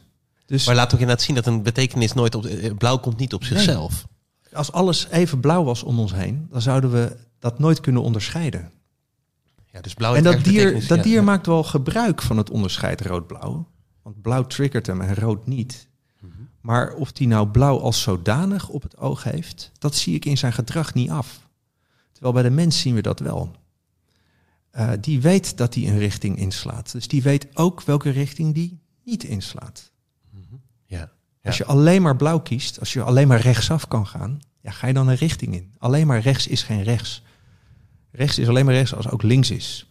Ja, als er ook links is, ja, dat je terwijl je rechts afslaat, ook bij links bent in zekere zin. Van nou, dat ga ik dus niet doen. Ja. Ik sla Ja. dus niet links af. Dus die geleding is, daarom gebruiken we ook het woord geleding. Eh, De geleding links-rechts of rood-blauw of nou ja, hè, noem het maar op nu. Wat doet dat nou? Een geleding is een articulatie, zou je kunnen zeggen, die scheidt en verbindt tegelijkertijd. Dus er vindt een scheiding plaats tussen links en rechts, maar die staan niet los van elkaar. Ze zijn ook lid van elkaar, zou je kunnen zeggen. Geleding. Dus het zijn leden van dezelfde club. Ge is verzamelend hier. Ja. Zoals je bijvoorbeeld ook eh, gebergten hebt, dat is een verzameling bergen. Het zijn verschillende bergen die niettemin verzameld liggen. Afzonderlijke bergen die je ook aan kunt wijzen, maar het gebergte is het verzamelende daar. Nou, dat is net als met een geleding. Wat ontstaat daar nou? Er ontstaat links-rechts, twee richtingen, twee kanten, maar die staan niet los van elkaar. Nee, die zijn ook verzameld tegelijkertijd. Dus ze zijn gescheiden van elkaar, maar niet afgescheiden van elkaar. Ze zijn ook verbonden met elkaar. En het bemerken is dan zodanig dat je, als je weet dat je rechtsaf gaat, dat je tegelijkertijd ook in zekere zin bij links bent. Ja. Want je weet, ik sla rechtsaf, maar niet linksaf. ja, want je kan alleen maar rechtsaf staan omdat je een weet hebt van het onderscheid. Precies. Ja, ja, ja. dat is met die kleuren even zo. Eh, we kunnen verschillende kleuren onderscheiden, maar dat lukt ons alleen maar omdat ze ook al samen zijn, eh, samengenomen zijn, ja, in wat we zouden noemen kleur. Het ge hier in de geleding, de geledingkleuren, is hier de kleur.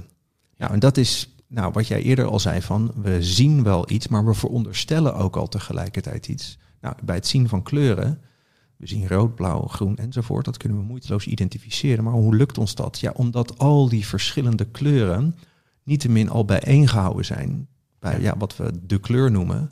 En het merkwaardig is, die zie je dus niet tussen die kleuren zitten, de kleur. Nee, nee. En het is ook absurd eigenlijk om te vragen, ja, welke kleur heeft de kleur? Ja, dat, daar vraag je niet naar. Nee. Nee. Dus dat kan je niet aanwijzen. Maar Nee, alleen dat- maar groene stoplichten heeft ook geen zin. Nee. Er moet een verschil er zijn. moet een verschil zijn. Ja, ja. Er moet een verschil zijn en dat verschil is er ook niet zonder het verenigende. Dus een verschil kan je ook nooit op zich, je kunt nooit alleen maar blauw op zich bekijken. Dat is namelijk geen verschil. Een verschil is er altijd alleen maar ook als er een ander is. Een andere kleur. Dus je hebt tenminste twee nodig. En dat is ook niet voldoende, want die twee moeten wel qua kleur moeten ze vergelijkbaar zijn. Dus als je verschillende kleuren ziet, zie je, nou, dat zie je niet, maar dan veronderstel je, dan ga je eigenlijk altijd al vanuit datgene wat ze ook al verenigt. Het gelijke, nou, het zijn allemaal kleuren. Ze zijn verenigd in kleur. Ja, en, en, en, en om dat inderdaad dan terug te brengen naar dat citaat. Ja, Want als je dan zoiets ten aanzien zegt van want kleur, dit is een geleding. Hè? Ja. Nu hebben we de geleding Ja. kleur en verschillende kleuren. Zeker. Alleen als je, als je dan, nou wat jij zegt over kleur of, of, of, of wat dan ook voor on- onderscheid bemerken. En dan heb je dat woord natuur. En, Ja. en dan, daar is dat, lijkt mij, nou ja, dat, dat klinkt toch lastig in mijn oren. Omdat, ik dan, omdat je dan toch al snel denkt, ja maar hoe kan dat nou weer dan onderdeel zijn van zo'nzelfde eh geleding? Want bij natuur denk je dan, oké, kan ik dan ook weten hebben van niet-natuur? Ehm, iets buiten die natuur? Want we hebben ook gezegd, ja, die natuur, daar begeef jij je in. Daar Ja. ga je niet buiten. Ja, nou jij zegt, eh, is die geleding nou onderdeel, of is de natuur nou onderdeel van zo'n geleding? Ja, Dat zeg je eigenlijk, hè? ja, We stelden eerder eventjes de vraag, van waar nou die geleding?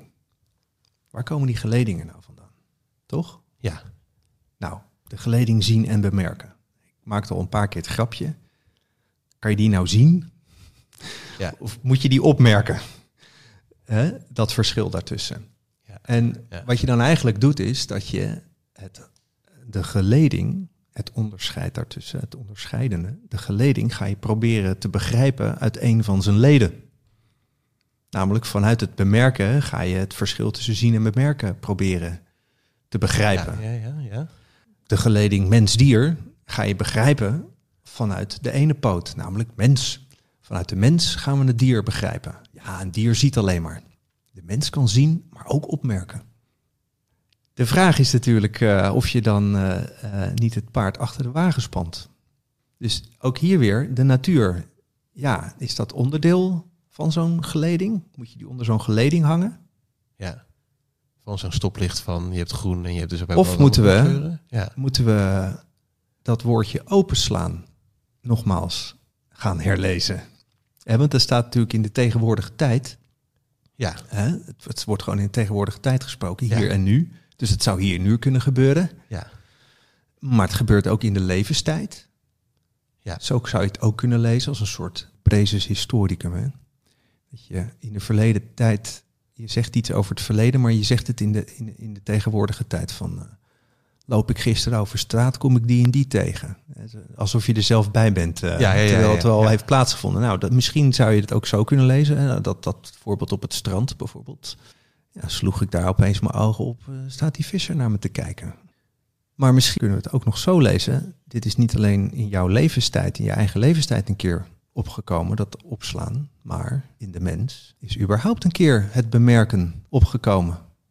ja. In een evolutionaire soort ontstaansgeschiedenis. Ja. Dus niet alleen in de mens, maar ook met de mens is het bemerken opgekomen van de natuur dat ze er is. ja. In de leeftijd van de mens. In het, opko ja, in het opkomen van de mens. Met de mens slaat de natuur haar ogen op en merkt ze op dat ze er is. Dus de vraag wordt nu niet zozeer, ja, valt de natuur nou ook onder zo'n geleding?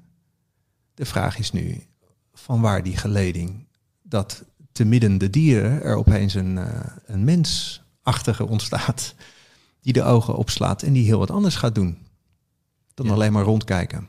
Want dat deed de natuur natuurlijk al eh, honderden miljoenen jaren. De ogen opslaan en een beetje rondkijken. Maar nu gaat ze ook de ogen opslaan en opmerken. Ja, precies. Daarom in die Links en dubbelheid. rechts. Ja, ja, ja. ja, er zijn tal van ogen natuurlijk in de evolutie ook opgekomen. Zeker. Maar binnen dat zien is blijkbaar, ja, wat is daar gebeurd? Wat voor geleding heeft daar plaatsgegrepen? Nou ja, wil je dat weer uit een van de leden gaan begrijpen? Nou, dat, dat strandvoorbeeld is merkwaardig. Het is toch niet dat ik daar op een gegeven moment bedacht heb van... ja, ik, ik sta daar en ik zie nu inderdaad eh, dat die anderen er ook zijn. En het zou ander- merkwaardig zijn als je het niet een keer tot dat inzicht kwam. Hè? Dan, Ja, dan- of die ander die vertelde dat mij. Nee, want dan zit je weer met dat gekke verstoppertje spelen. Van ga jij maar eens aan een kind vertellen dat hij nog steeds zichtbaar is hoor. Als hij zijn hand voor zijn ogen doet. Ja. Je moet al weten hebben van iets. Precies, dus Ja. die geleding is primair. Daar begint het, gek genoeg. En dan kan je terug gaan kijken van ja, ik liep altijd al rond in zo'n eh, in zo'n eh, omgeving. Maar nu even naar, dat, eh, naar die derde lezing. Van dat, is, dat bemerken zelf is een keer opgekomen in de natuur. Ja, dan krijg je een oude vraag natuurlijk. Was die natuur er nou wel dan voordat dat bemerken opkwam? Voordat ze bemerkte dat ze er was? Was ze er nou wel of niet? Je zou denken, nou goed, er is op een gegeven moment een keer een, een, oog ontstaan. Volgens mij begint dat, begint dat dan met een verschil tussen, tussen donker en licht. eh, bij een lichtgevoelige cel. Ehm, dat is ook, Ja, begint dat nou met een verschil tussen donker en licht? Dat zien wij nu. Ja, zie je, daar wordt gekozen tussen schaduw en licht. Dus een pissebed, die reageert daar ook op. ja, Die Ja. heeft ook te maken met, dat zien wij zo. dat te maken Merken wij zo op. Dat merken wij zo op, ja. En die rent altijd naar de schaduw toe. Al miljoenen jaren. Maar hij rent altijd naar de schaduw toe. Dus hij weet niet van donker en licht hoor. Hij merkt dat niet op. Nee, Wij kunnen dat wel. Maar dat is dus wat er blijkbaar gebeurd is in die natuur, dat dat bemerken een keer opgekomen is. ja. ja. Of hebben we dat zelf bedacht? Ja, dat is een keer opgekomen. Dat is, dat is dat, ja. Kijk, ja. Descartes is heel duidelijk. Dat komt niet uit de natuur, maar dat komt uit... Jouw res cogitas. Ja, en, en waar komt die dan vandaan? Want dat kan je natuurlijk meteen vragen aan Descartes. Als dat niet van de natuur komt, waar komt dat dan vandaan? Ja, dat moet dan wel van God komen. Ja, Ja, Een aparte scheppingsdaad geweest. Voor Ja. ieder individu. Daarom is het ook het best verdeelde goed, het verstand. Het opmerkingsvermogen, zeg maar eventjes. En dus dat is door een andere instantie is dat eh, gecreëerd. Waardoor de vragen natuurlijk blijven van waar komt die dan vandaan? Maar ja, dan kreeg je in die tijd gewoon een tik op je vingers. Daar mocht je niet naar vragen. Dat mocht je niet naar vragen, Precies. inderdaad. Ja, nee, nee, nee, nee. Nee, maar ja, dus als dat eh, vandaag de dag natuurlijk lang niet meer vanzelfsprekend is dat dat eh, door een, eh, een, een intelligente instantie eh, tot stand gebracht is, geschapen is, dan zal het uit die natuur zelf voortkomen. Ja. Maar dat is ongemeen merkwaardig dat dat gebeurd is. Dat, dat er een geleding dat voortkomt en dat datgene wat voorkomt de, de mogelijkheid in zich draagt om er te zijn. Of ja, Om om, te bemerken. Om te bemerken Ja, dat je er bent. Dus ja, en, en wat, wat bemerkt ze hier nu? Dat ze er is. Dus het is de natuur die zichzelf ja, in de blik krijgt in zekere zin. En dat is tegelijkertijd, hebben we ook gezien, dat bij dat bemerken komt altijd, daar speelt altijd een geleding. Dus daar speelt ook mee weet hebben van niet zijn, er niet zijn. Ja, er is, een, er is een, blijkbaar een hele tijd dat het er niet is. Ja, vandaar ook de vraag, ja, Ja. was die natuur er nou wel of niet? Voordat ze bemerkte dat ze er is. Zodat die ogen open gingen en er werd bemerkt. Ja. Nou, ook dit is een flauwe vraag in zekere zin. Want ja, wanneer kun je pas naar wel en niet vragen? Op het moment dat je daar weet van hebt. Ja, dus ja. vanuit dat bemerken. Ja. Dus zodra ze dat doet, kan ze ook dit soort vragen pas gaan stellen. Dus het is net als met ja, mijn zusje op dat strand. Het heeft geen zin om tegen haar te zeggen. Weet je dat je naakt bent? Nee. Weet je dat je ook gekleed kunt zijn? Heeft geen enkele relevantie voor haar. Maar als het verschil opkomt en ze, en ze ziet dat wel in, dan is het meteen ook zoiets van, Ja, oh, maar dat is toch dus altijd al zo geweest. Ja. Dat was toch altijd Nou, en dat al is een, natuurlijk iets merkwaardigs. Ja. Ja. Aristoteles die zegt bijvoorbeeld: het heeft geen zin om naar het begin van de natuur te vragen, van de fusis.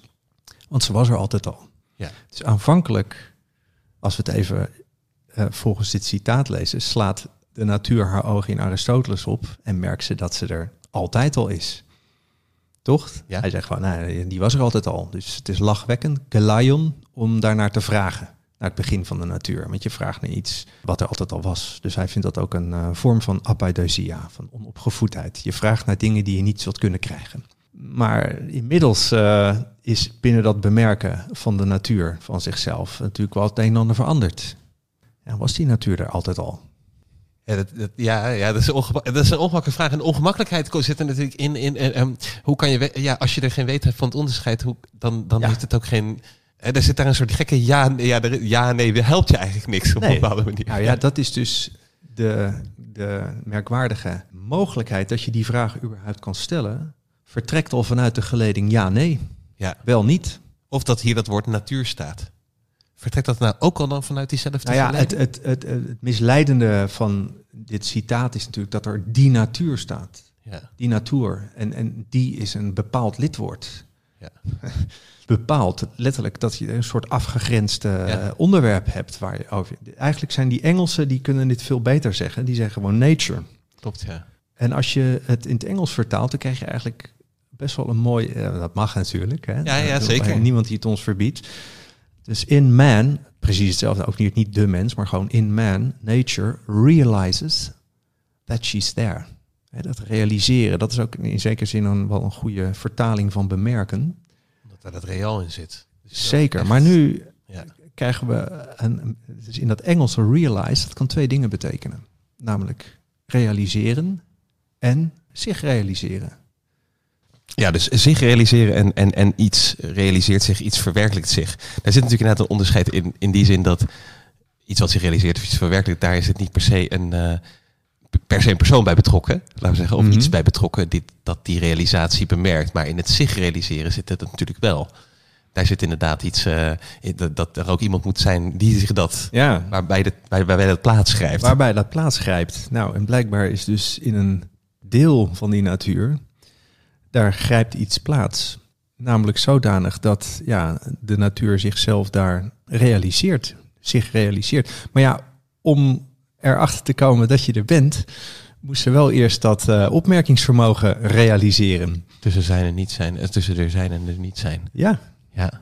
En dat, is, dat heeft iets merkwaardigs natuurlijk. Eh, zoals het ook heel merkwaardig is dat wij ooit onze ogen open doen en we merken dat we er zijn. Is dat überhaupt dat hele vermogen een keer opgekomen?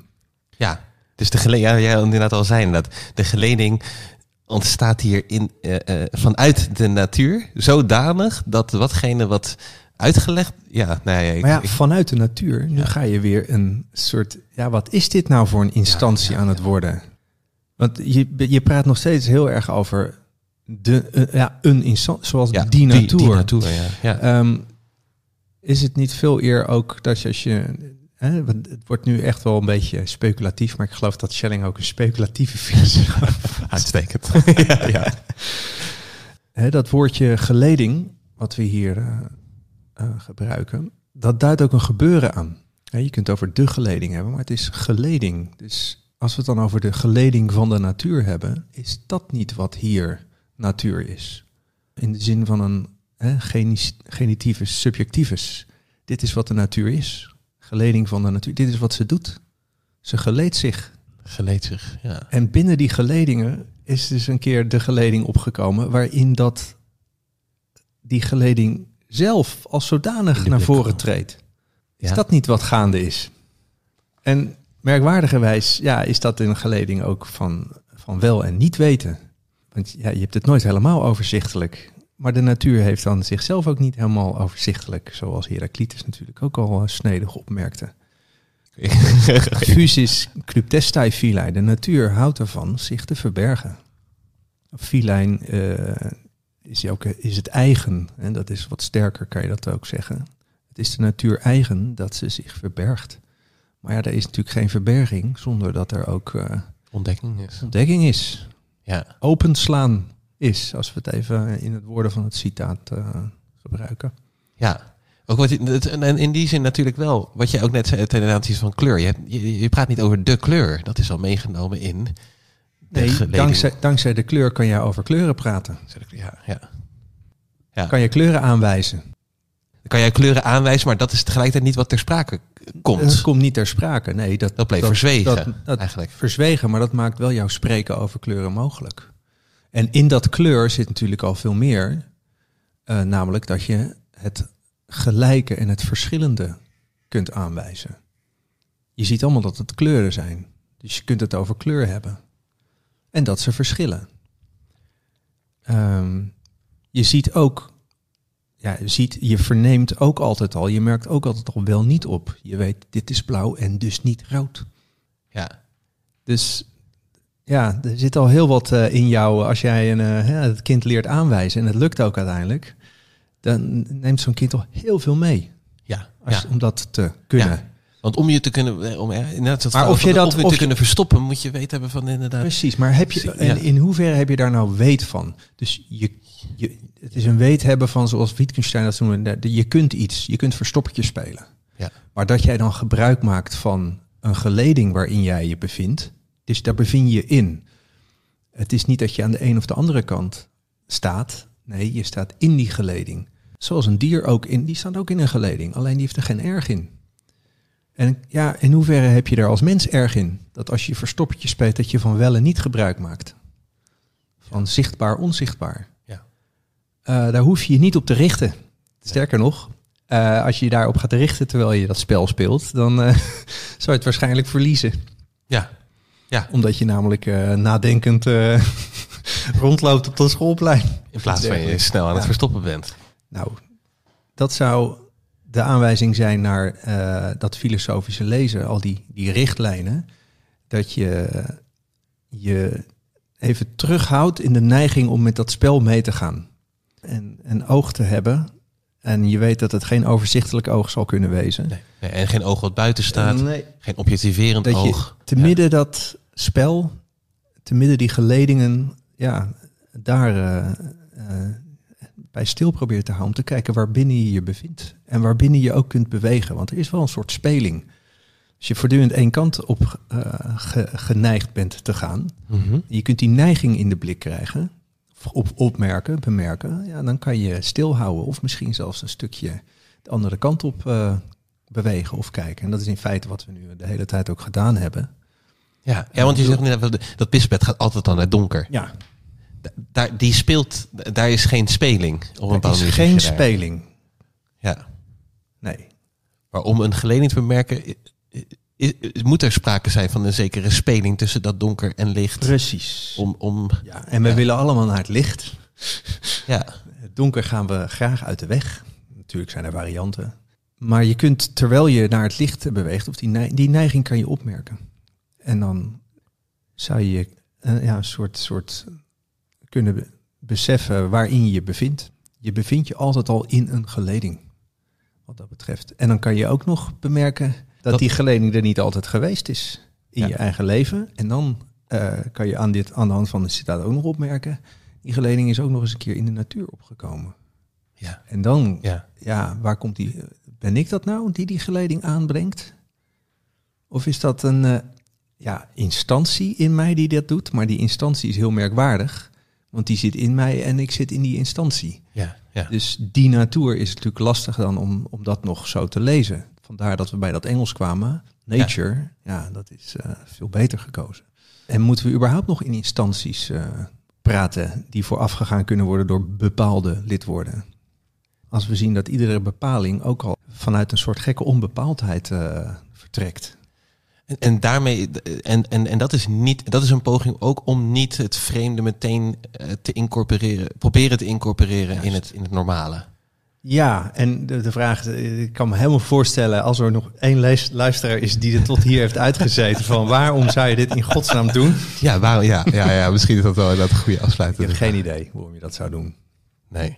Ja, dus ik heb dat We al- zaten gisteren nog even de, de, de, de, de aankondigingstekst te lezen. Of niet de aankondigingstekst, maar de tekst te lezen van de, de, de studiegids van de filosofie Mhm. uit de, ne- eh, 1998 volgens mij was dat. Er stond ook in de laatste zin. Ontzettend veel rendement eh, krijg je dan uit. Als je dan, als je dan toch filosofie gaat studeren, is er een enorm rendement. Heb heel veel te halen.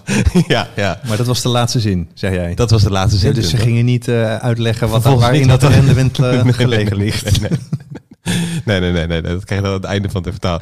Nee, ik vind het. eh, dit is eigenlijk goed om het bij deze vragen te, te, te, te ja, laten. dus dat zou eh, gek Ja. genoeg een soort eh, eindpunt wel zijn, denk ik. Veel verder weet ik er ook niet over te vertellen, denk ik. Maar de- gang die we eigenlijk gemaakt hebben, denk ik toch wel, is dat de merkwaardigheden waarop we stuiten, tenminste dat hoop ik, dat die eigenlijk nog veel merkwaardiger geworden zijn. En ik, ja, Ja, dat je nu nooit meer die zin- tegenkomt en dat je denkt: oh god, ik weet al wat daar staat. nou dat weet je dan waarschijnlijk. niet. En als je daarvan wegloopt, dan weet je ook, ik loop nu weg. ja, dan weet je dat. Misschien ja. is dat het enige. Ja. Wat je, ja, dus eh, nee, maar dat, eh, dat is iets eh, wat mij, nou bijvoorbeeld bij het werk van Heidegger echt ook steeds meer opvalt. Is die man die stelt de zijnsvraag. Ja. Hij zegt al ergens op bladzijde, geloof ik, 168 in zijn Oetzeit, dat dat probleem zich in al zijn raadselachtigheid hem aanstaart of iets dergelijks. En dat, is, dat houdt niet op. Dat wordt in die, in die denkgang van die man wordt dat alleen maar erger. Alleen maar raadselachtig. Ja, alleen maar raadselachtiger. Geen opheldering. Of eh, geen. eh, Het wordt alleen maar raadselachtiger. ja. En ja, dat, dat is eigenlijk eh, ja, wat, wat een practicum filosofisch lezen zou je misschien eh, je, zou je daarin kunnen oefenen. Dat je de merkwaardigheden van eh, ja, die natuur waar je je in bevindt en waar je uit voortkomt, dat je die merkwaardigheden, nou ja, in de blik krijgt, kan eigenlijk al niet. Want Ja. dan zou je het alweer in je kontzak kunnen steken. Ja, maar dat je dat raadselachtige toelaat zonder meteen te zoeken naar een Ja, oplossing. en ook dat je er niet echt weet dat je misschien uiteindelijk ook nog wel beseft dat je dat niet eens echt kan toelaten. Want het echte raadselachtige kan je natuurlijk niet toelaten. Nou ja, ik weet niet of dat eh, een soort rendement is, maar eh, Ik wil je bedanken voor dit gesprek. Dankjewel. Eh, En de, de luisteraars thuis ook bedankt. En tot de volgende keer bij Radio Horselnest.